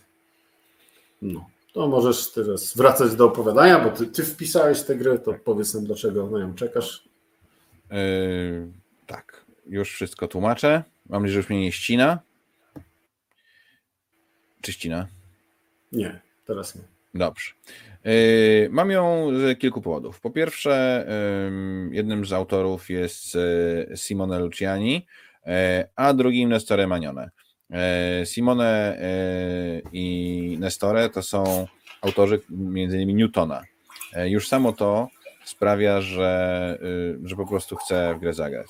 Wydaje to z kolei Thundergryph, e, czyli też wydawnictwo, które wydaje zawsze bardzo ciekawe i bardzo ładne gry. E, podoba mi się jakby obietnica, którą gra składa, e, czyli że będziemy sobie podróżować po Galapagos, jak to robił Darwin i będziemy sobie gdzieś tam zbierać te rzeczy, które on oglądał. Lubię worker placement, lubię kontrakty, E, no i ci dwaj włoscy designerzy, plus przyznam okładka, która sprawia, że jestem absolutnie mm, absolutnie jakby zakochany w niej, no to wszystko składa się na to, że po prostu chcę mieć ten, to pudełko u siebie. No to ja tutaj mogę się podpiąć e, też głównie ze względu na, e, na twórców, którym ufam i i mam wrażenie, że jak patrzę, to tak, tak trochę widzę te połączenia z Newtona na mapie. E, więc mam nadzieję, że będą w, może nie w miarę zbliżone, ale równie pozytywne odczucia. E, więc też na, na tę grę akurat czekam. Kolejna gra, która gdzieś tam e, wpadła mi w oko, to jest gra, która nazywa się Earth. E, I przyznam, że ona mi wpadła w oko z dwóch powodów. Po pierwsze, okładka robi na mnie bardzo dobre wrażenie, a po drugie, ktoś ją ogłosił w Polsce, nie wiem czy nie Galakta? Chyba Galakta ogłosiła, że będzie ją wydawać. E, I ja wtedy zainteresowałem się, co to w ogóle jest. Zacząłem czytać i z każdym e, zdaniem przeczytanym oczy otwierają się coraz szerzej. bo gra obiecuje to, że jest e, takim budowaniem silniczka w otwartym świecie z nieskończoną możliwością kombinacji kart, które sprawią, że ta gra za każdym razem będzie inna. E, budujemy sobie też jakieś tam tablo punktujące na koniec gry. Mm, za każdym razem będziemy sobie robić nowe rzeczy. Ja lubię takie gry, w których możemy się pobawić. Ja bardzo lubię innowacje, bardzo lubię E, o, e, e, Lucky Duck zapowiedziałem. Tak, tak, miałem, miałem mówić właśnie, że to tak. więc tutaj Gram Solo mówi, że zgłasza sprzeciw, bo miało nie być polskich zapowiedzi, no ale ta gra wyjdzie w 23 i tak. w Polsce i na świecie, jeszcze nie ma, więc tak. jakby więc sorry, przepraszam, jeżeli czasem się zdarza tak, że mamy polskie wydawnictwo, które wydaje grę... Znaczy, nie, nie nie, nie pominiemy gry tylko dlatego, że ktoś ją w Polsce zapowiedział i jeszcze nie wiadomo. Symultanicznie. Tak. Kiedy, tak. kiedy ją wyda, tak? Bo nikt nie powiedział. Super, że, że, że, że, że jest taka. Jasne, że tak, ale, ale dla nas to nadal jest gra, która będzie miała swoją oryginalną premierę w 2023. Tak. Yy, także tak, tutaj yy, ja bardzo lubię takie gry jak innowacje, w których też możemy się bawić tymi kartami yy, i nimi tam żonglować i, i się zastanawiać fajny jest temat, bo jest znowu ta natura, znowu te zwierzątka, tak samo jak mi to siadło przy e, Arknowa, e, tak samo tutaj, e, tutaj będę, jestem zainteresowany. No, ja jakoś nie wiem, ostro, w ogóle... ostrożnie podchodzę do, do tematu, też nie wiem dlaczego jakoś z tego, co tam widziałem, specjalnie się nie zapaliłem do tego pomysłu, ale wiesz, no zagrać zagram. I tutaj skoro przy, przy Darwinie e, chwilę wcześniej wspominałem o Newtonie, to Anna Jakubowicz pyta, czy polecam Newtona. Oczywiście, że polecam Newtona. E, świetna, mam wrażenie, że bardzo niedoceniana u nas gra, e, która ma bardzo sprytny pomysł na siebie, jest szybka, dynamiczna i satysfakcjonująca. Więc bardzo, bardzo dobry kawałek euro. O właśnie. Distilled. Przemawia do mnie, e, przemawia do mnie temat bardzo. Lubię te takie browarniczo-bimbrowe klimaty. Tutaj będziemy e, pędzić wódeczkę e, zdecydowanie. Mój kolega z pracy Kacper już nawet ogrywał nawet nie tyle solo, co na dwie ręce i też mówił, że jest bardzo ciekawe, że generalnie E, no tam zbieramy sobie składniczki i mieszamy, więc wiecie, tam jakby zarządzamy zasobami, ale że też jednocześnie trzeba e, dość mocno e, uważać na to, jak mieszamy, bo jeżeli źle dobie, tam dobierzemy cukry, które nam się będą miały fermentować i tak dalej, to się okaże, że zamiast dobrego tam koniaczku wyszedł nam po prostu podły bimber i berbelucha i w ogóle. Także jest trochę też pufiorlaka w tym zbieraniu zasobów. No, nie jest to, mam nadzieję, na poziomie yy, tego, te, te, tego, jak się nazywa ta gra? Szarlatani z Pasikurowic. O, o szarlatani z Pasikurowic. Yy, natomiast yy, ponieważ mój, mój kolega ją ma, to ja z radością sobie, on chyba ją ma w wersji print and play. Tak, tak pisał yy, Tak. Yy, to ja z radością z nią sobie Yy, zagram, tak? Także... Nie, mi, mi, mi, tutaj za bardzo zajeżdża pasikurowicami, żeby mi się tym jarał, więc mm. plusika, nie, plusika nie dałem, zagrać mogę, tak, wy, wypić mogę, ale żeby jakoś e, no, no nie, nie, jakoś e, też lubię ten temat, ale mam na liście inną grę, która trochę mnie go zahacza, natomiast to mnie nie przekonuje. Okej, okay. Możesz no dobrze. Yy, co mamy dalej? E, Unconscious Mind. Unconscious Mind z kolei mieliśmy Darwina, teraz mamy Freuda.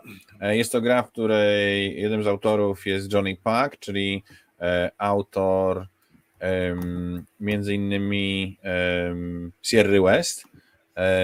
Mamy programowanie akcji, mamy jakieś tam budowanie sobie tablo końcowego, zbieranie zestawików, worker placement, Vincent Dutre robił do tego ilustracje, e, więc e, generalnie całkiem spoko to wygląda. Tak jak sobie patrzyłem na to, mamy tych, tych, tych naszych tam workerów, będziemy w różnych miejscach ustawiać. Wydaje mi się, że gra będzie takim miszmaszem mechanik. Mam nadzieję, że nie przesadzi z tym, że to nie będzie gra o kręceniu kilku różnych kręćków, tylko będzie ta synergia naprawdę zachodziła między mechanizmami. E, no i, i o, tak.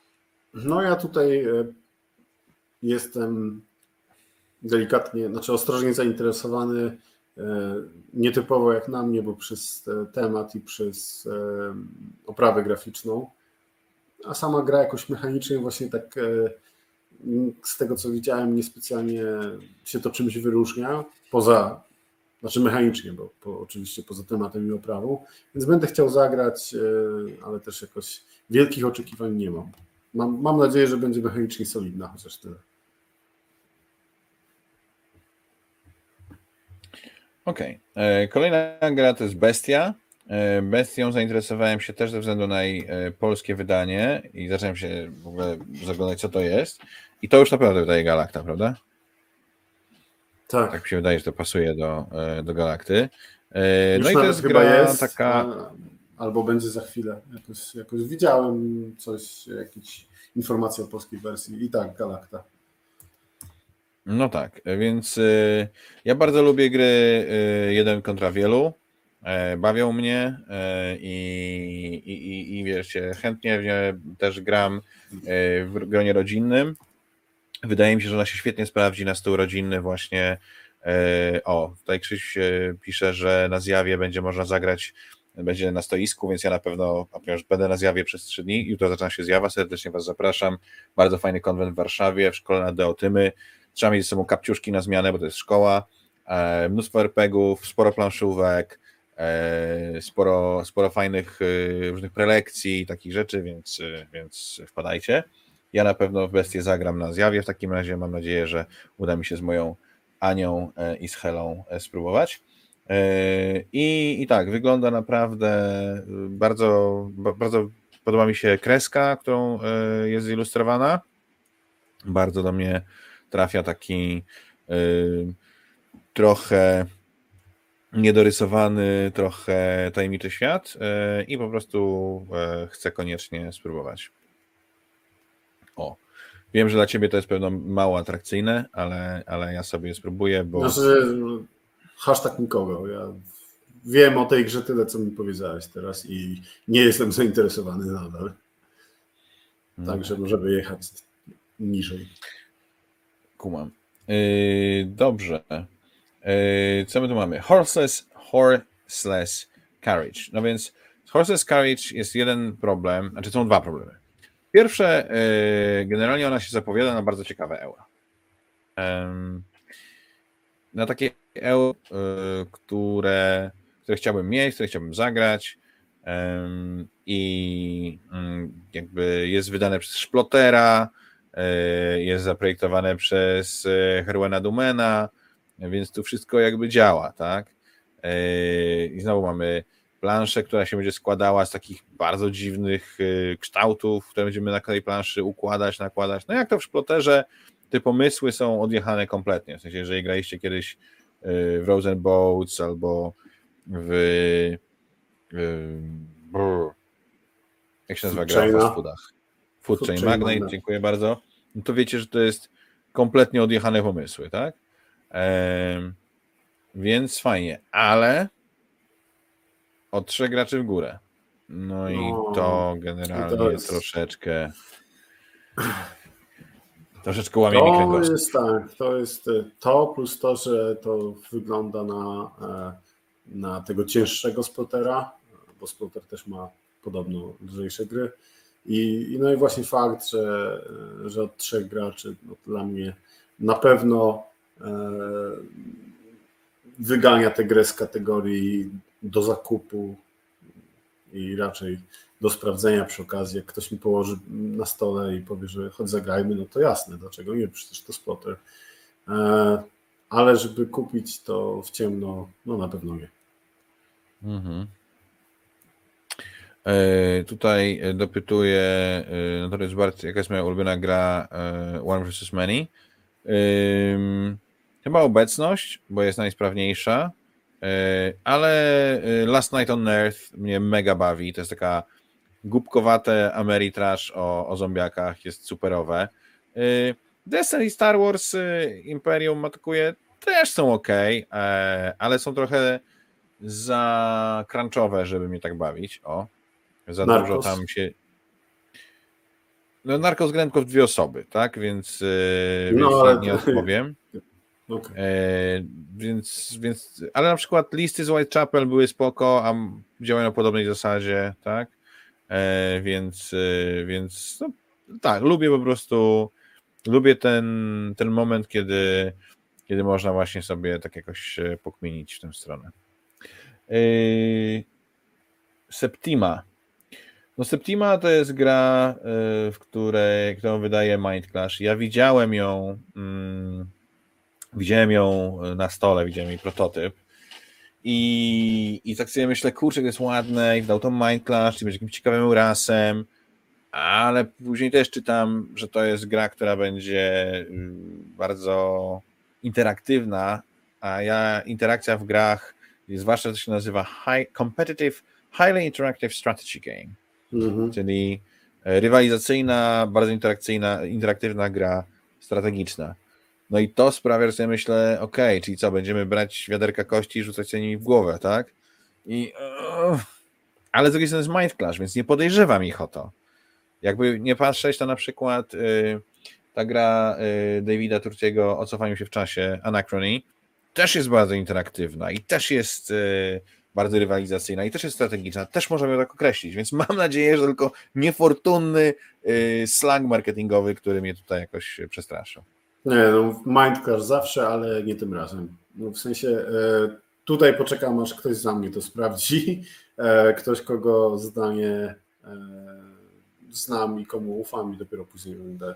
Bo jednak ten opis jest przerażający. Więc ja poczekam przed sprawdzeniem na pewno. Ale jako, że to Mindclash, to pewnie prędzej czy później siądę. No tak. Hegemony. Lead your class to victory. No po pierwsze, tak. mega podoba mi się temat. Tak. To zgadzam się. Słucham? Zgadzam e, się. Bardzo, znaczy, tak. mi też się podoba, może tak. Bardzo mi siedzi temat. Bardzo lubię gry Evangelisa e, Bagiartakisa. E, uważam, że jakby to nie są gry, które się gdzieś tam straszliwie przebiły do, do mainstreamu, ale pośród gwiazd, Fields of Green, Dice City, czy na przykład jeszcze była taka gierka śmieszna o gotowaniu, tak, taka na czas, Kitchen Rush to się nazywało. Mhm. E, taki, e, taki od, e, oddaj fartucha. To, to, to, to zabawne.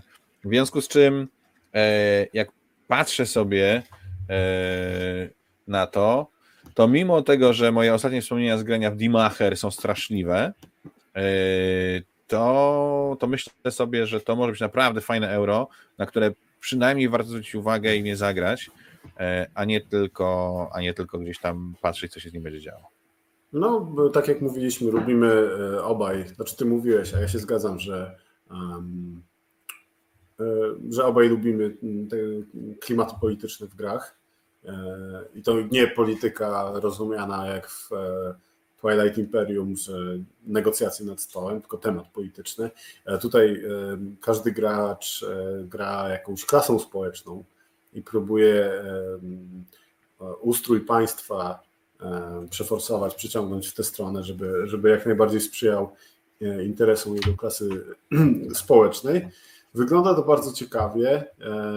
To jest jedna z tych gier, o których mówiłem wcześniej, że są spadochroniarzami z tej listy sprzed dwóch lat. E, ja mam zrobiony preorder już od bardzo, bardzo dawna. Mam nadzieję, że, że w tym roku zagramy. Ale też no tutaj tu jestem bardzo podierany. I jeszcze nie będę musiał wydawać na pieniędzy. Nie będzie, chyba, że będziesz chciał kupić ode mnie. No. no tak, co też się zdarzało, jak wiemy. No, e, tutaj e, podpowiada nam Gram Solo, że interakcja w Steamie polega na tym, że jak dwie osoby zagrają taką samą kartę, to mają z tego benefit i to bym przeżył. Ale on pisze też, że można się teoretycznie nad stołem dogadywać, co zagramy i można ściemniać. I to skreśla no, grę właściwie z miejsca dla mnie. Tak, no, dziękujemy. Hmm. Grę nad stołem pozostawiamy tym, którzy lubią grać nad stołem, my nie lubimy.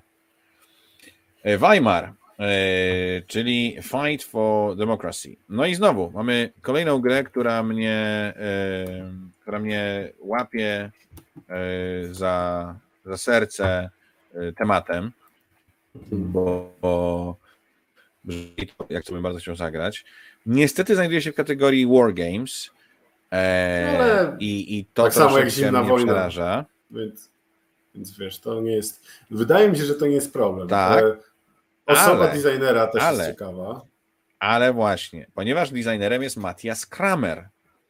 I Matthias Kramer to jest, to jest, to wiecie, to jest osoba, która zrobiła, nie wiem, Rococo, czy, czy, czy Glenmore, czy, czy Helvetię, no jakby to są totalne euro. Zrobił też Watergate, który można by nazwać w sumie pewnie, też można by, jakby ktoś Mm. bardzo chciał gdzieś tam wpychać w kategorię tych takich gier, y, card driven i tak dalej. No, nie jest nie, no, Wargame'em. Watergame'em, e, Watergate'em wszedł e, tak delikatnie w card driven game i mi się spodobało i teraz chcę wejść e, mocniej, głębiej i wydaje mi się, że najbardziej mnie przeraża właśnie to, czy nie za bardzo, e, bo tam czas gry jest e, 3 do 6 godzin i to wygląda jak coś, czego nie chciałbym przy, przeżywać. No i waga prawie 4,5. A, waga, E, wagą. I, Bardziej i, i gra jest, na, ale gra jest chyba tylko na cztery osoby w ogóle. No, To no, też zabawne. jest pewnym problemem. E, No ale wydaje to Capstone, wydaje to Spielworks, więc y, na pewno będę chciał spróbować. No słuchaj, Eee. jak, ja jestem tym razem, e, tym razem ja, ja jestem po, po tej stronie, że e, jak ty rzucisz w to pieniędzmi, to ja mogę poświęcić ci 6 godzin mojego życia i, i w to zagrać. Adam pisze, że zrobił listwę z ważnych rzeczy. O, Wydaje mi się, że to nie jest ten jest- Kramer. To nie to- jest chyba ten Chyba Kramer, nie. ale ufam tutaj e, Adamowi bardziej niż sobie, więc Adam tylko potwierdź, jakbyś mógł sprawdzić, czy na pewno był Matthias Kramer, ten Matthias Kramer, bo tych Kramerów jest kilku, czy na pewno jest, e, na pewno jest on. Mi się wydaje, że nie. Eee, ale zobaczymy. Tak. E, Kolejna z gier, które e, zdziwiły mnie samego, że znalazły się na, tej liście, to jest Shogun no Katana i ona jest trochę przerwałem dziwi grą e, z 22 roku. A to E, też mam takie. Więc tak, ale Mm. Natomiast bardzo mnie ciekawi, jak to będzie wyglądało, bo generalnie jesteśmy w feudalnej Japonii, jest to euro, e, mamy workerów, e, robimy, e, robimy tutaj miecze dla, e, dla wielkich i potężnych daimyo, e, zarządzamy zasobami, znowu mamy jakieś e, bonusy na, na jakby tak, tworzymy sobie tablo końca punktów, są rzeczy, które bardzo lubię w grach. Tematycznie mnie bardzo przemawia. Chętnie spróbuję. Ja nie wiem, Impression. nic, nie mam oczekiwań. Impression to jest gra, e, którą prawie zagrałem na zgranym Wawrze, ale zagrałem z wami e, w tą grę o wyborach w Stanach, Campaign Trail, więc nie zagrałem w Impression. Mm. I jest to gra o drukarni. E, Jest to temat bardzo bliski mojemu sercu, a z kolei Daria Himner mówi, że jest świetna, że, że wygląda jak, jak trochę niedokończony prototyp, ale że jest bardzo dobra, e, więc e, będziemy się tutaj bawić w układanie kafelków jak na, jak, jak na matrycy drukarskiej e, i, i, i, i, gdzieś tam zasuwać naszymi asystentami po, po planszy, mm, realizować kontrakty. No bardzo, bardzo chcę zagrać i mam nadzieję, że uda mi się Daria namówić, żeby jeszcze raz przyniosła albo na zgrany wawer, albo mm, po prostu e, gdzieś tam e, przy okazji ją złapie. No, Pampero mam to jest ten- e. No, przepraszam. Nie, w sumie. E, Nie, mów No mów, o mów. Pampero. Nie, nic ciekawego nie miałem do dodania, więc e, jedź dalej. Bo i tak już długo gadamy, a to dopiero numer 12 na liście 50 kilku gier, więc lecisz. Spokojnie, lecisz, będziemy lecisz, lecieć. lecisz. E, No Pampero, no wiecie, zilustrowany, e, zilustrowana przez e, Jana Otula gra o wiatraczkach z ładnymi wiatraczkami, w której będziemy sobie też gdzieś tutaj zarządzać tą, tą planszą, zarządzać ręką. Mamy grę card driven, mamy euro, będziemy budować sobie tableau z tych kart. Mm, No, bardzo, bardzo jestem ciekaw, co z tego wyjdzie i to jest też chyba spadochroniarz. Ty a, o Pampero coś chcesz powiedzieć, czy Nie, nie wiem, nie znam chcesz nic powiedzieć o Pampero? Nie. No tak, rozumiem. E, East India Companies. Przepraszam. E, East India Company. E, bo są dwie gry, żeby było śmieszniej. I, ale tak, tak, sorry, ja, ja miałem na myśli tutaj źle wkleiłem. Chciałem, ja wam tutaj wrzucę na chwilę na ekran, bo to powinna być ta gra. East India Companies to jest gra, w której będziemy znowu zarządzać rynkiem, zarządzać workerami, e, będziemy wysyłać sobie towarki, będziemy zarządzać statkami, logistyka, e, zmienny markę, zmienny rynek. No to wszystko sprawia, że, e, że jestem bardzo ciekaw, co tam się wydarzy. I poza tym RNR też mnie przyzwyczaiło do, do fajnych eurasków, więc, więc zdecydowanie tędy. Mm. Okej. Okay. Nie? Mhm. Nie? nie? Nie, nic nie mam do dodania. Dawaj. E, o nowym UW. E, a to jeszcze tylko Adam mówi, że listwę jednak zrobił Wolfgang, a nie, e, a nie Matias, tak się też wydawało. E, zwłaszcza, że Wolfgang jest nieco bardziej leciwym projektantem niż, niż Matias i chyba tak to wyszło. Oranienburger Kanal mm, to jest nowy UWE, gra jest tylko dwuosobowa, jest Euraskiem od Spielworksa i jakby kończy tu moja wiedza na ten temat. Yy, I, i, ale to nie zmienia faktu, że chcę wziąć zagrać, że to jest nowy UWE.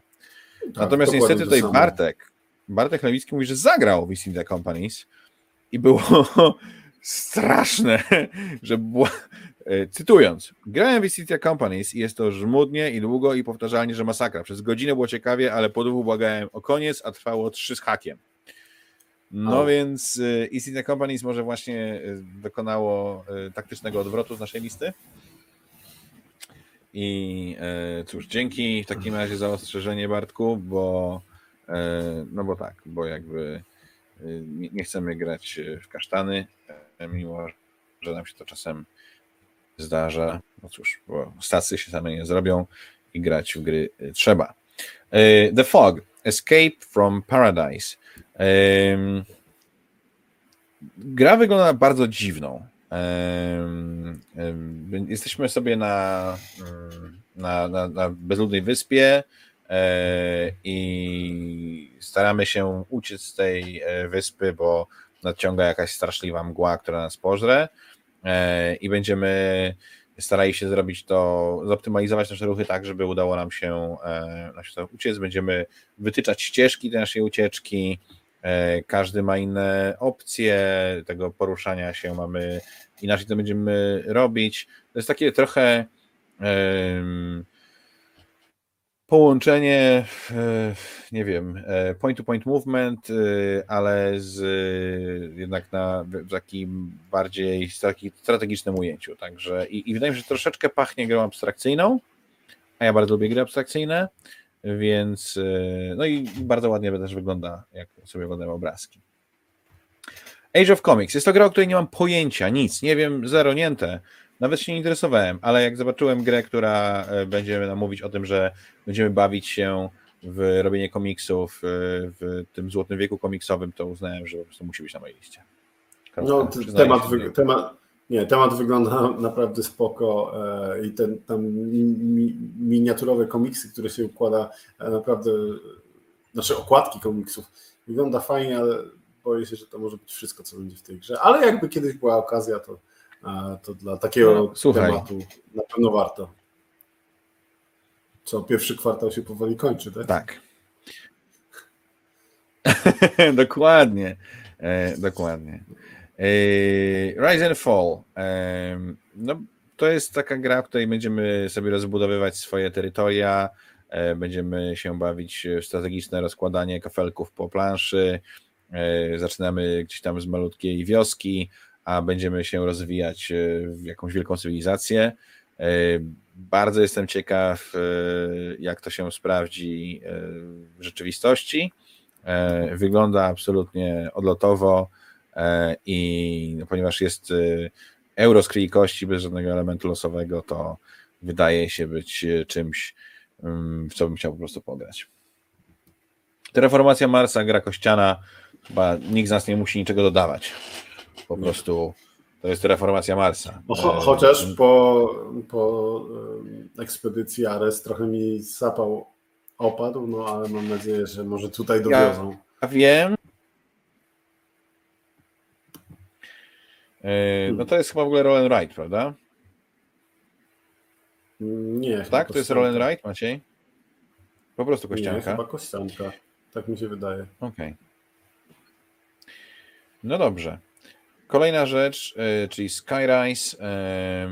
No, mamy budujemy trójwymiarowe miasto i to jest nic, bo ważniejsze jest to, że to jest gra, która w pewnym sensie jest rozwinięciem konceptu gry, którą kocham, e, której większość ludzi, z którymi grałem, nienawidzi e, i która to gra nazywa się Metropolis. Jest to gra, która była wydana oryginalnie przez studio Ishtari, E, autorem był Sebastian Pochon. E, I była to gra w pewnym sensie licytacyjna, e, bo ustawialiśmy swoje budynki na planszy i staraliśmy się zrobić tak najlepiej i ten, kto postawił budynek o najwyższym numerku, mógł go postawić w odpowiednim miejscu. Miała planszę, która wygląda dla wielu ludzi jak zwymiotowana sałatka owocowa, a ja uważam, że jest prześliczna. Także bardzo chcę zobaczyć, co się wydarzy z tym tytułem. Tak. Yy, ty grałeś kiedyś ze mną w Metropolis, czy nie? Nie, chyba nie. I no, sąd, sądząc z opisu, nie wiem, co bardziej mnie niepokoi, co wiesz, jak wygląda zwymiotowana sałatka owocowa, czy to, co powiedziałeś o grze. No, ale e, Age of Rome. No Age of Rome, e, kolejny city building, e, będziemy budować miasto, będziemy je rozwijać, budować kolejne budyneczki, te budyneczki są ładne, trójwymiarowe, każdy mają plansze, no to wygląda ślicznie, jest city buildingiem, ja to chcę, kropka. Fika, to jest abstrakt, to jest gra logiczna, Szwecja słynie z tego, że jest krajem na świecie chyba o najwyższym spożyciu kawy w ogóle na całym świecie. To nie są Włosi, to nie są, nie wiem, tam jeszcze może pić kawę z radością. Szwedzi generalnie piją kawę zamiast myć zęby rano i wieczorem. E, I e, myślę, że jeżeli ktoś zrobił grę, która jest e, grą logiczną, opartą na tym pomyśle i jeszcze tutaj narysowaną przez B. Sobel, czyli artystkę, której kreskę bardzo lubię, to z radością w sobie. Yy, także tak. Kopan Dying City. Przyznam, że tutaj też olbrzymią mm, olbrzymią wagę e, odgrywa temat, bo mm, ja bardzo lubię Teotihuacan e, i gra wydaje się mniej więcej gdzieś tam tutaj siedzieć w tym w, w tym klimacie, może też bardziej colkinowym, bo to jest e, miasto, Kopan jest miastem Majów. E, no i cóż, e, będziemy układać kafelki, będziemy zarządzać robotnikami, wykonywać akcje, budować miasteczka. Ciężka gra z zapowiedzi, podjeżdżająca pod 4 na 5, więc z ogromną chęcią. Trochę martwi mnie to, że w grze pojawiają się jakieś tam eventy, ale miejmy nadzieję, że to nie będzie wpływało na zabawę. Władcy Ragnaroku to jest reimplementacja um, Lords of Hellas, e, czyli um, antycznej Grecji, w której mamy. Swoją drogą, Adam, jeżeli to jest jeszcze z nami, czy ty czytałeś Kłamcę? Bo ja teraz czytam Kłamcę Jakuba Ćwieka pasjami i w tomie 2,5 znalazłem bardzo bezpośrednią inspirację do Lords of Hellas i byłem bardzo ciekaw, czy to jakoś się z tym wiąże. Tak czy siak, Lords of Ragnarok ma być nowym, lepszym Lords of Hellas, a Lords of Hellas jest jednym z bardzo niewielu gier typu Deuce on the Map, które sprawiają mi autentyczną frajdę, e, więc Lords of Ragnarok brzmi jak coś, co tematycznie może być super, bo e, no jednak ta mityczna Skandynawia jest fajowa, E, i może być, e, może być ślicznie. Adam pisze, że Kłamcy to tylko pierwszy tom dawno temu, jest bardzo spoko, ale to znaczy, że musisz przeczytać tom 2,5. Rozbawi cię w takim razie to, co tam przeczytasz. Musisz przeczytać tom 2,5. No ja Lords of Ragnarok e, też bardzo chętnie sprawdzę. Też mi się Lords of Hellas podobało. E, Tutaj klimat dla mnie trochę gorszy, ale mam nadzieję, że, że faktycznie to będzie lepsze poprawione Lords of Hellas, a Lords of Hellas już jest dobrą grą, więc jeżeli ta będzie jeszcze lepsza, to nic tylko czekać. Tak. Dobrze.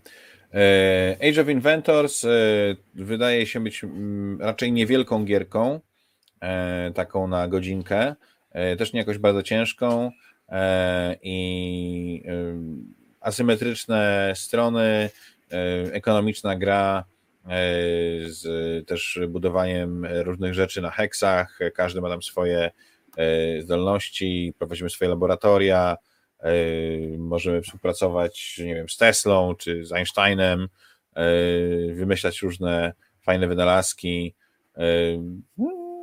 Brzmi ciekawie, zwłaszcza te asymetryczne strony, bo jednak mamy worker placement i action selection z asymetrią zawsze z radością. Rolling Heights to jest gra od AEG I już samo to zasługuje na to, żeby się nią zainteresować. I widzę, że ty kliknąłeś, lubię to. Tak, tak, tak. I no i mamy znowu koncept, building. Ale z, z rzucaniem miplami, co brzmi dziwnie, ale równocześnie intrygująco, bo city building city buildingiem. Ja mam wrażenie, że jakby ci na BGG dodali przycisk dodaj wszystkie na listę city buildingi, które wyjdą w tym roku, to byś go klikał jak zły. E, ale no, rozumiem, każdy ma jakieś swoje e, ulubione mechaniki, ale tutaj ten koncept, tak jak powiedziałeś, wydawca i ten koncept z rzucanymi meplami w a koncept jest taki, że rzucamy... Że euro wydaje się być No nie, no, ona chyba nie jest jakaś bardzo poważna, bo Ale tutaj jest waga jest poważniejsza niż jakieś, wiesz... Jakieś no tak, 45-60 minut, tak. waga 2,5, ale faktycznie jest tak, że rzucamy miplami, tak jak kośćmi i te, które będą stały, mogą pracować lepiej niż te, które nie będą stały. Polecam wszystkim taką grę Podrzuć Świnie, jeżeli nie. interesują Was tego typu. Nie. oj tam, oj tam. Polecam Przesadza. mi Kuby tak by default, ale teraz to już w ogóle. Nie, podróże świnie są spoko. Podróże świnie to jest y, jak. Y, to jest. Y, podróże świnie to jest push your luck the game. W sensie są takie gry, w których nie ma niczego innego niż jakaś mechanika. I podróże świnie jest, jest taką grą. No okej, okay, może rosyjska ruletka jest bardziej push your luck niż, niż ten. No dobra. Kolejna gra, która wątpię, żeby się mogła ukazać, ale miejmy nadzieję, że się jednak ukaże. E, to jest e, Before the First Emperor. I znowu mamy tutaj e, i asymetrię, i city building, i cywilizacyjną grę, i wypełnianie kontraktów, niestałą liczbę rund, co też bardzo lubię. Ciekawy temat. No, trzymam kciuki. Trzymam kciuki bo wygląda na coś bardzo ciekawego, ale, ale nie wiem, czy przy dość małym tutaj nieznanym prawie, że y, nieznanym designerze, przy y, też y, nie, nie, za bardzo rozwiniętym wydawcy, bo to jest Asteria Games, nie wiem, czy coś tutaj się zadzieje. No, Ziemia niczyja. 51 stan Master Set. Jedna z najwspanialszych polskich gier, jakie kiedykolwiek zostały stworzone. Doczekała się kolejnego dodatku. Widziałem go już tak troszkę z daleka. Widziałem matę, widziałem, e, że jest talia kart. E, no, bardzo jestem ciekaw i bardzo chcę zagrać. Ty już mam masz, więc będę mógł spróbować. Ja już tak, już mam, już mam w ręku. E, już zdążyłem się podjarać nową frakcją. Po czym zdążyłem też przeczytać instrukcję do tego do, dodatku dojść do wniosku na sucho, że nowa frakcja jest najlepszą e, z tych rzeczy, które znalazłem w pudełku. Tak po ja. instrukcji wydaje mi się, że to nie będzie mój ulubiony e, dodatek do 51 e, stanu. Nie załapię się nawet w top 3, a nie ma jakiejś dużej konkurencji, bo tych talii tam nie ma sporo, więc no ale cóż, zagramy, zobaczymy. Zagrać trzeba, bo, bo 51 stan jest cudowny. No tak, troszkę mnie zmartwiłeś. E, no dobra, zamki nad morzem. Nie wiem, czy zgadniecie, ale jest to e, tematem jest budowanie miasta. e, nad morzem jeszcze. Tak. Powiedz, że nad morzem. Ale jest też abstrakt, tak, nad morzem. Jest też abstrakt, więc e, jest taka gra pewnie bardziej pode mnie. E, więc, ale jeżeli być taki gra jak Santorini, to, to, to może być e, czymś, na co warto spojrzeć. E, także e, bardzo, bardzo, bardzo jestem ciekaw. Watershed Arizona. No to jest też taki kolejny ciekawy twór na, na mojej liście.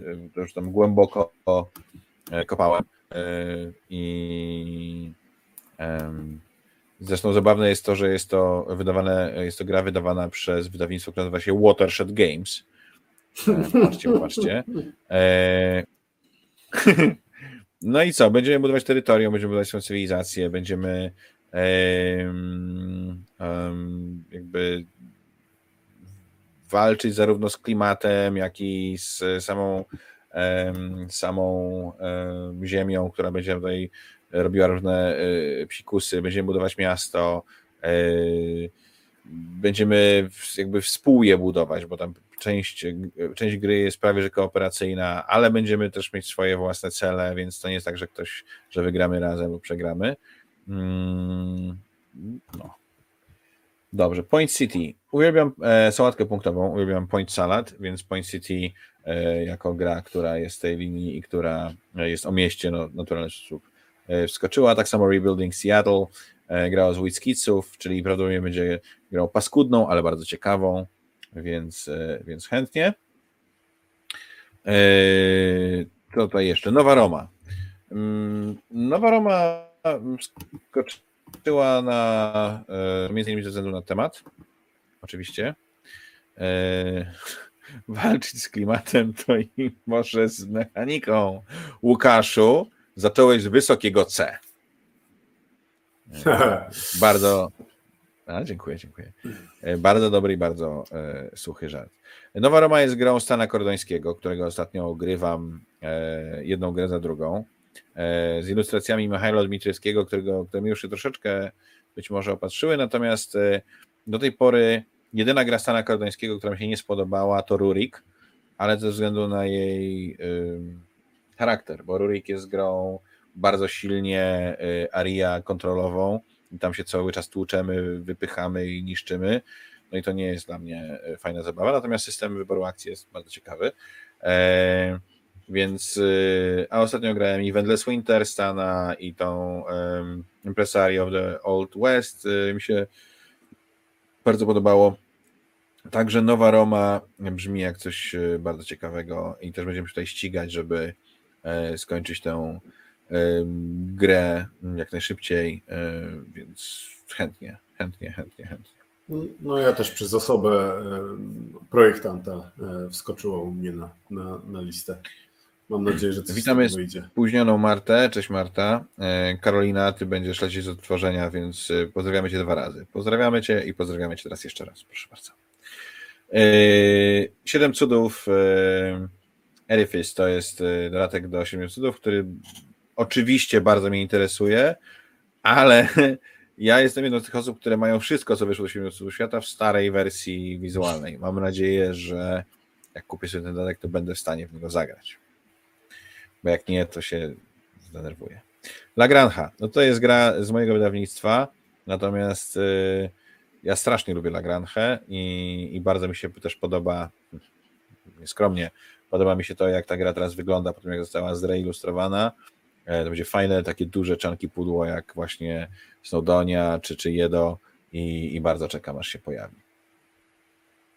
No i coś od ciebie. No, kiedyś musiało być. A Jest of Robin Hood, Insurrection in Nottinghamshire. Tak, dziękuję za piękne przeczytanie tytułu. A dlaczego mnie to interesuje? Bo e, od dawna chodzę wokół coinów, e, serii e, gier wojennych do których się zbliżam, zbliżam i nie mogę zbliżyć. E, jedną mam nawet na półce i, i nadal jeszcze nie grałem, mówię o Cuba Libre. A e, Ale mam nadzieję, że w końcu zagramy. Mam już nawet wyjętą instrukcję na szafkę nocną, więc jesteśmy, jesteśmy nigdy nie byliśmy tak blisko. To, e, ale jeżeli mówimy już o coinach, to e, Robin Hood ma być właśnie e, coinem osadzonym w uniwersum, może źle powiedziane, ale Robin Hooda. W lesie Sherwood. Ma być, w, ma być takim najprostszym coinem, najbardziej takim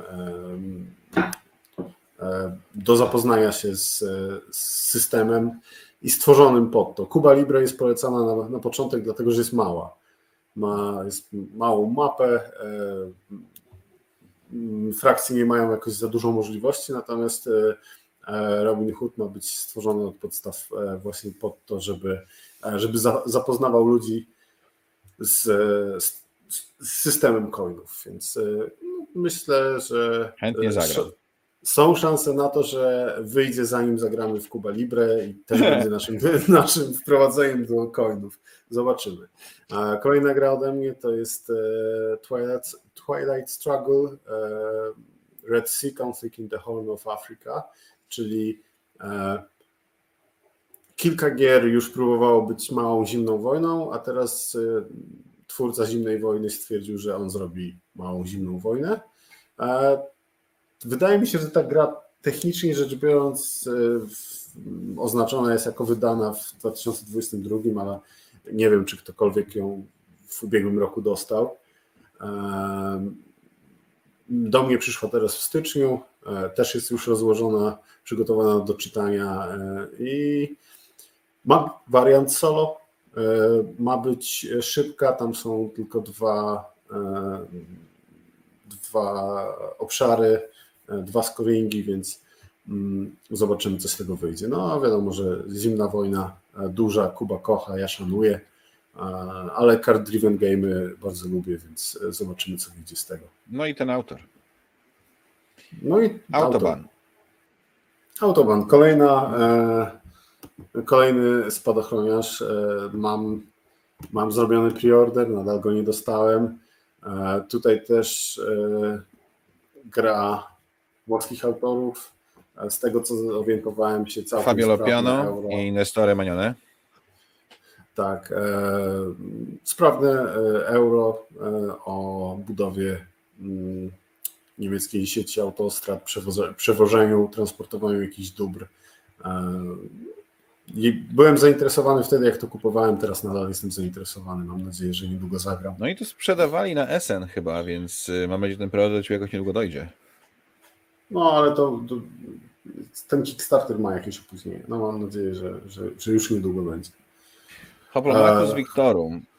Tak, Hoplomachus to jest e, e, jedna z, z gier wydawnictwa Chip, Chip Theory Games albo Chip Games Theory. Wydaje mi się, że Chip Theory Games. Tak, Chip Theory Games. Tych, którzy zrobili Too Many Bones, burn cycle i tak dalej, i tak dalej. E, natomiast, czyli te mm, duże gry w wydaniu premium ze sztonami pokerowymi e, do oznaczania jednostek i punktów życia. E, natomiast Hoplomachus jest, ma fajny klimat, bo to są to są walki gladiatorów, podlane trochę jakimś fantazy. Plus tutaj mamy grę całkowicie dedykowaną pod solo, z krótką kampanią, znaczy z kilkoma krótkimi kampaniami, z rozwojem e, swojej bandy e, gladiatorów, wbijaniem kolejnych poziomów i, i fajnym taktycznym mm, trybem walki, więc czekam. No ja nie czekam, bo jest solo. Ale Motor City z kolei wygląda jak yy, ciekawostka, bo jest rollerightem o robieniu, no zresztą tymów. No, Motor City to jest kolejny, e, nie, to nie jest spadochroniarz, ale kolejny z moich preorderów już. To jest gra, e, wykreślanka o fabrykach samochodów w Detroit. E, Uwaga, I... na pudełku jest napisane, że jest to gra engine building. Muszę powiedzieć, że mega mi to rozbawiło. No, cóż. Mnie bardziej bawi to, że jest to gra autorów świetnego Flip the Dice Game i mniej świetnego, Three Sisters, ale po Flip the Dice Game jestem, jestem w stanie mm, w ciemno zaufać autorom, więc też powinna być w pierwszym kwartale tego roku zamówiona już dawno. Mam nadzieję, że niedługo e, zagramy. Pax Hispanica, no to jest, rozumiem, e, kolejny Eklund, więc musiał być na Twojej liście. Tak. Znaczy, może nie, nie tyle, co musiał, ale e, po tym, jak wygląda druga edycja Pax Renaissance, to mówię o tym dosłownie, jak wygląda, jak wyglądają komponenty, grafiki, jak ta gra się prezentuje na stole, no uznałem, że tego Paxa będę, e, będę chciał. E, temat też jest dla mnie ciekawszy niż, niż w ostatnim zapowiedzianym Pax Illuminati, który jest troszkę za bardzo oddychany. Więc tutaj też mam e, zamówione. Mam nadzieję, że, że wyrobią się w, w tym roku, aczkolwiek szczerze wątpię. Natomiast nowy Pax, wiadomo, ja zawsze będę chciał sprawdzić. No i Wiedźmin. Ciekawe, nie spodziewałem się tej gry na twojej liście, muszę powiedzieć. Dlaczego? Po pierwsze, preorder zrobiony. Po drugie, Wiedźmin. Po trzecie, deck building.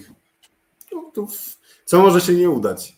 Wiem, co może się nie udać, ale e, teraz już jest za późno. Rzuciłem swoimi pieniędzmi w monitor i e, teraz już czekam na. Chętnie zagram bardzo. Bardzo chętnie ja, zagram, ja też, dlatego. A wiadomo, kiedy będzie? E, Pira ze drzwi? To są wrażliwe tematy. Coś tam płynie, jakieś trzy kontenery wypłynęły, reszta kontenerów wypłynie kiedyś. Nikt nie wie, ile to jest reszta kontenerów. W sensie, mhm. Ostatni I czy twoja gra jest, jest na tym kontenerze, czy inny? Tak, ostatni update jest y, 3 z X płyną. No i Naprawdę? O, oblicz masę słońca. Nie, no. Więc, y, z punktu A do punktu B. Tak, być może będą jeszcze w tym roku. Dobrze. Scarface. E, Bartek Chlebicki pisze, że Wiedźmin czeka na odbiór w porcie. Kuba, odśwież listę. Dlaczego? Dobrze, odświeżam. wrzucił. A kurde, prawie odświeżyłem nam streama, sorry. Niedobre. Odświeżam, odświeżam. Tu, tu, tu, tu, tu, tu, tu, tu. Coś się wydarzy. Coś się wydarzy. Nie, mm, ale no, jest, no. jeden komentarz dwie minuty temu. Tu, tu, tu, tu. Poczekajcie, zobaczymy, bo to jest, to jest, to jest, to jest właśnie telewizja live. Grałem. Bardzo oryginalny deck building. Warto sprawdzić. Reszta gry też ciekawa. A dorzucone wstawki fabularne działają super. No, no to fajnie. Dobrze. Scarface. E, Scarface. E, też mówiłem, że e, znaczy mówiłem, że m, mm, też lubię klimaty prohibicji i pędzenia bimbru, no to tutaj mamy e, Scarface, który jest o tym, ale jest też o wojnach e, gangów. Mechanicznie będą jakieś przepychanki na planszy, ale będzie też deck building. Jakoś ładnie mi to wszystko wygląda na taką lżejszą, ale, ale przyjemną grę, więc jak będzie okazja, będę chciał sprawdzić. Anunnaki Zmierzch Bogów. Tak, i to jest Kranio. zabawne. To jest zabawne, bo to jest Kranio, to jest e, Simone Luciani i to wygląda na e, właśnie jakieś e, area control, area majority z figurkami, z biciem się i jednocześnie z byciem pełnoprawnym euro. I ja nie wiem, co mam o tym myśleć. Jestem, jestem skonfundowany, ale... Jest Lords tyle... of Hellas, które to wszystko robi i jest pełnoprawnym euro, więc może, może... Jestem na tyle e, zaintrygowany, że wrzuciłem na listę. E, Jestem bardzo zły, że wrzuciłeś Mr. President i American Presidency, bo się strasznie napaliłem. Że wow, super. Otworzyłem, wszedłem i wtedy poznałem prawdę. Tak, to jest jedna z e, na bank, jedna z dziwniejszych gier na tej liście bo to jest gra solo, w której e, wcielamy się w, e, w tytułowego prezydenta Stanów Zjednoczonych i... Przepraszam, przepraszam, e, Anunnaki świt bogów, a nie zmierz bogów. Masz rację, przepraszam. Pomyliły mi się Twilighty, wybaczcie. Dobrze. Wracając do bardziej przyziemnych rzeczy i prezydenta Stanów Zjednoczonych, Zjednoczonych um, no wcielamy się, siadamy w, zasiadamy w, w fotelu najbardziej wpływowego polityka na świecie i ogarniamy ten bałagan, który codziennie, e, wszystkie rzeczy, które na nas się zwalają, wpływamy na sytuację geopolityczną e, całego świata. Musimy walczyć e, nie tylko o, o to, żeby na przykład o takie drobnostki jak zapobiegnięcie wybuchu III wojny światowej, ale też staramy się ładnie wypadać w mediach i też walczyć, starać się wywalczyć kolejną kadencję, bo co z tego, że świat będzie wyglądał spoko i będzie w jednym kawałku, skoro wybiorą kogoś innego i, e, i, i my przegramy grę. Więc wygląda to, szczerze mówiąc, wygląda to jak e, gra, która powinna być grą komputerową i boję się, że obsługa tego wszystkiego e, będzie zbyt upierdliwa. No, sama rozgrywka to jest kilka godzin, E, żeby rozegrać jedną, jedną kadencję czteroletnią. No ale cóż, ja mam pokój do grania, który mogę zamknąć i zostawić grę rozłożoną na kilka dni, e, a temat przemawia do mnie tak bardzo, że no. jestem zajarany i czekam.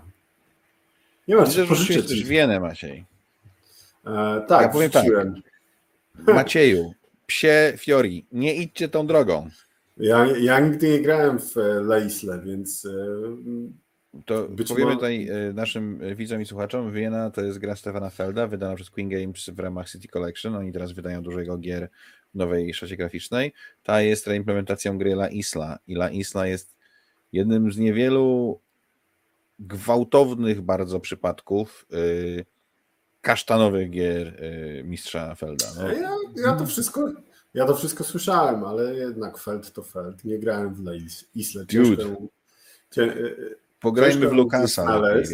E, też słyszałem, że, e, że La Isla Felda nie jest tak zła jak Hengist Uwego, jeżeli, chodzi o, jeżeli chodzi o, o wpadki, więc są też. To prawda. To prawda. Niestety, niestety, niestety jest to Queen Games, więc a troszkę się brzydzę grać w gry, ale będę kombinował w ten sposób, żeby nie zapłacić za to e, pieniążków, a jednak sprawdzić. Moje serce będzie trochę mniej krwawiło, ale chciałbym, chciałbym. Red Dust Rebellion, czyli kolejny coin. Tak, ale e, tak e, bardzo szybko, dlaczego, bo coinów jest sporo i dlaczego ten jest interesujący, bo będzie opowiadał o całkowicie fikcyjnym konflikcie. No, te coiny, jak ktoś nie wie, to są gry mm, o konfliktach, e, o konfliktach z partyzantami i e, gdzie, gdzie jedna frakcja jest e, rządem, który ma duże zasoby, jest kilka frakcji partyzanckich i mamy jeden taki wielki kocioł, w którym się kotłuje i z reguły coiny odtwarzają jakieś autentyczne konflikty historyczne. Tutaj będzie w niedalekim fantazy Jedną z frakcji będzie na przykład e, marsjański kościół, który wierzy w to, że Mars powinien wrócić do stanu sprzed, e, sprzed znaczy do czasów, e, zanim pojawili się tam ludzie i, i stworzyli kolonię, więc wygląda to bardzo ciekawie, no a, a coiny, coiny same w sobie są bardzo interesujące mechanicznie, więc no, będę chciał sprawdzić. Jeżeli w końcu zagramy w coiny i okaże się, że mi pasują, e, to na pewno będę chciał sprawdzić, bo ten wygląda mega pod względem e, tematycznym. No dobrze. E, Last Kingdom Board Game, czy to jest spowodowane Gaming Games, czy spowodowane serialem? Tak. Rozumiem. Znaczy ja wiem, że ta gra najprawdopodobniej mi się nie będzie podobała i co gorsza podejrzewam, że ona będzie ona może nie być najlepszą grą, nawet w swoim, e, w swoim e, gatunku. Natomiast e, ja bardzo lubię serial, a teraz śmieszne, bo najpierw zobaczyłem mm, zapowiedź gry i pomyślałem, o kurczę, czy oni są tak mądrzy, że e, wydają grę i zaraz gruchnie informacja o tym, że e, film, który ma być zwieńczeniem e, serialu, już jest skończony i będzie niedługo do obejrzenia? I okazało się, że tak, bo film będzie do obejrzenia już w połowie kwietnia. Gra też powinna być jakoś w tych okolicach czasowych, a że ja bardzo lubię tę opowieść, postacie, więc jak będzie okazja, no, to zagram. Prawda. The Fox Experiment. E, czyli pani e, Elizabeth. Bardzo mnie to zdziwiło. No, tak, e, Elizabeth słuchaj, Na skrzydłach jest grą fatalną, ale Mariposa jest grą bardzo fajną. Więc tu jestem po prostu bardzo ciekawy, w którą, okay. w którą stronę pójdzie, pójdzie ta wskazówka. Mam nadzieję, że w stronę motyli. Teraz mamy tutaj dwa deckbuildingi, bo mamy Star Wars deckbuilding game i War of the Ring, the card game. A? No, nigdy nie grałem, zaczynając od dołu, nigdy nie grałem w e, Wojnę o Pierścień, a... Naprawdę? No, nie, no. nie, nie grałem. Nawet mieliśmy odcinek o grach, w której nie graliśmy i nam wstyd i no, mówiłem o tym.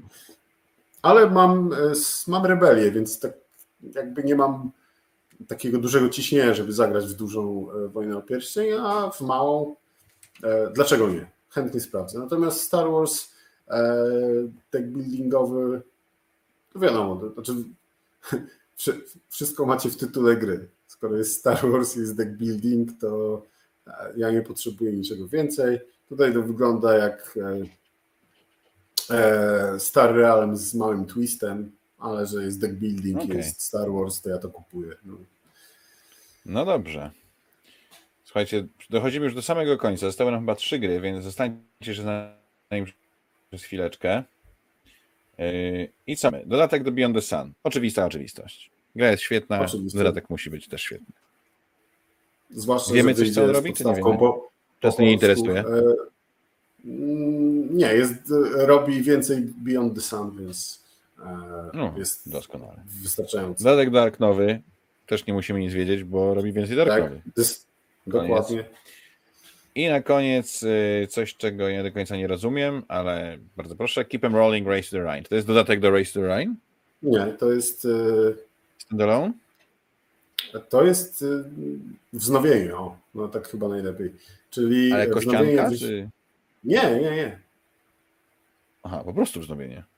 Tak, Keep em Rolling, bo, no bo oni się przewalali tak przez no tak. te tereny, to może dlatego, ale fakty Kurde, nie spojrzałem na to. Znaczy, bo może dlatego mój mózg tak nie zaklikał, bo ja wiedziałem, co to jest. I to rolling mi nie zrobiło niczego w ten.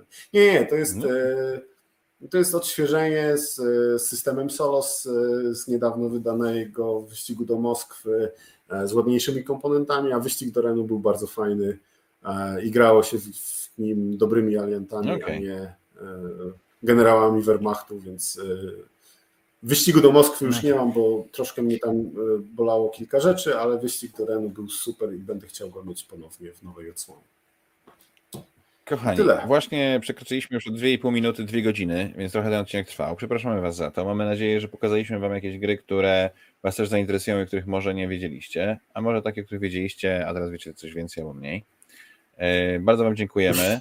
Yy, I co? Proszę, żeby te dwie osoby, które wygrały promki do TO się do mnie zgłosiły w jakiś sposób, dorwijcie mnie yy, i, i, i wam je wyślę.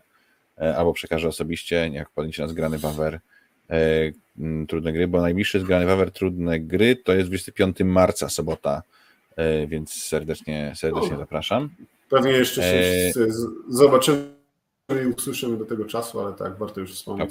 E, mamy też e, jako ćwierć planszówek jakiś adres mailowy na Gmailu, ale nie pamiętam jaki, więc jeżeli uda Moim zdaniem to jest ćwierć strony planszówek.gmail.com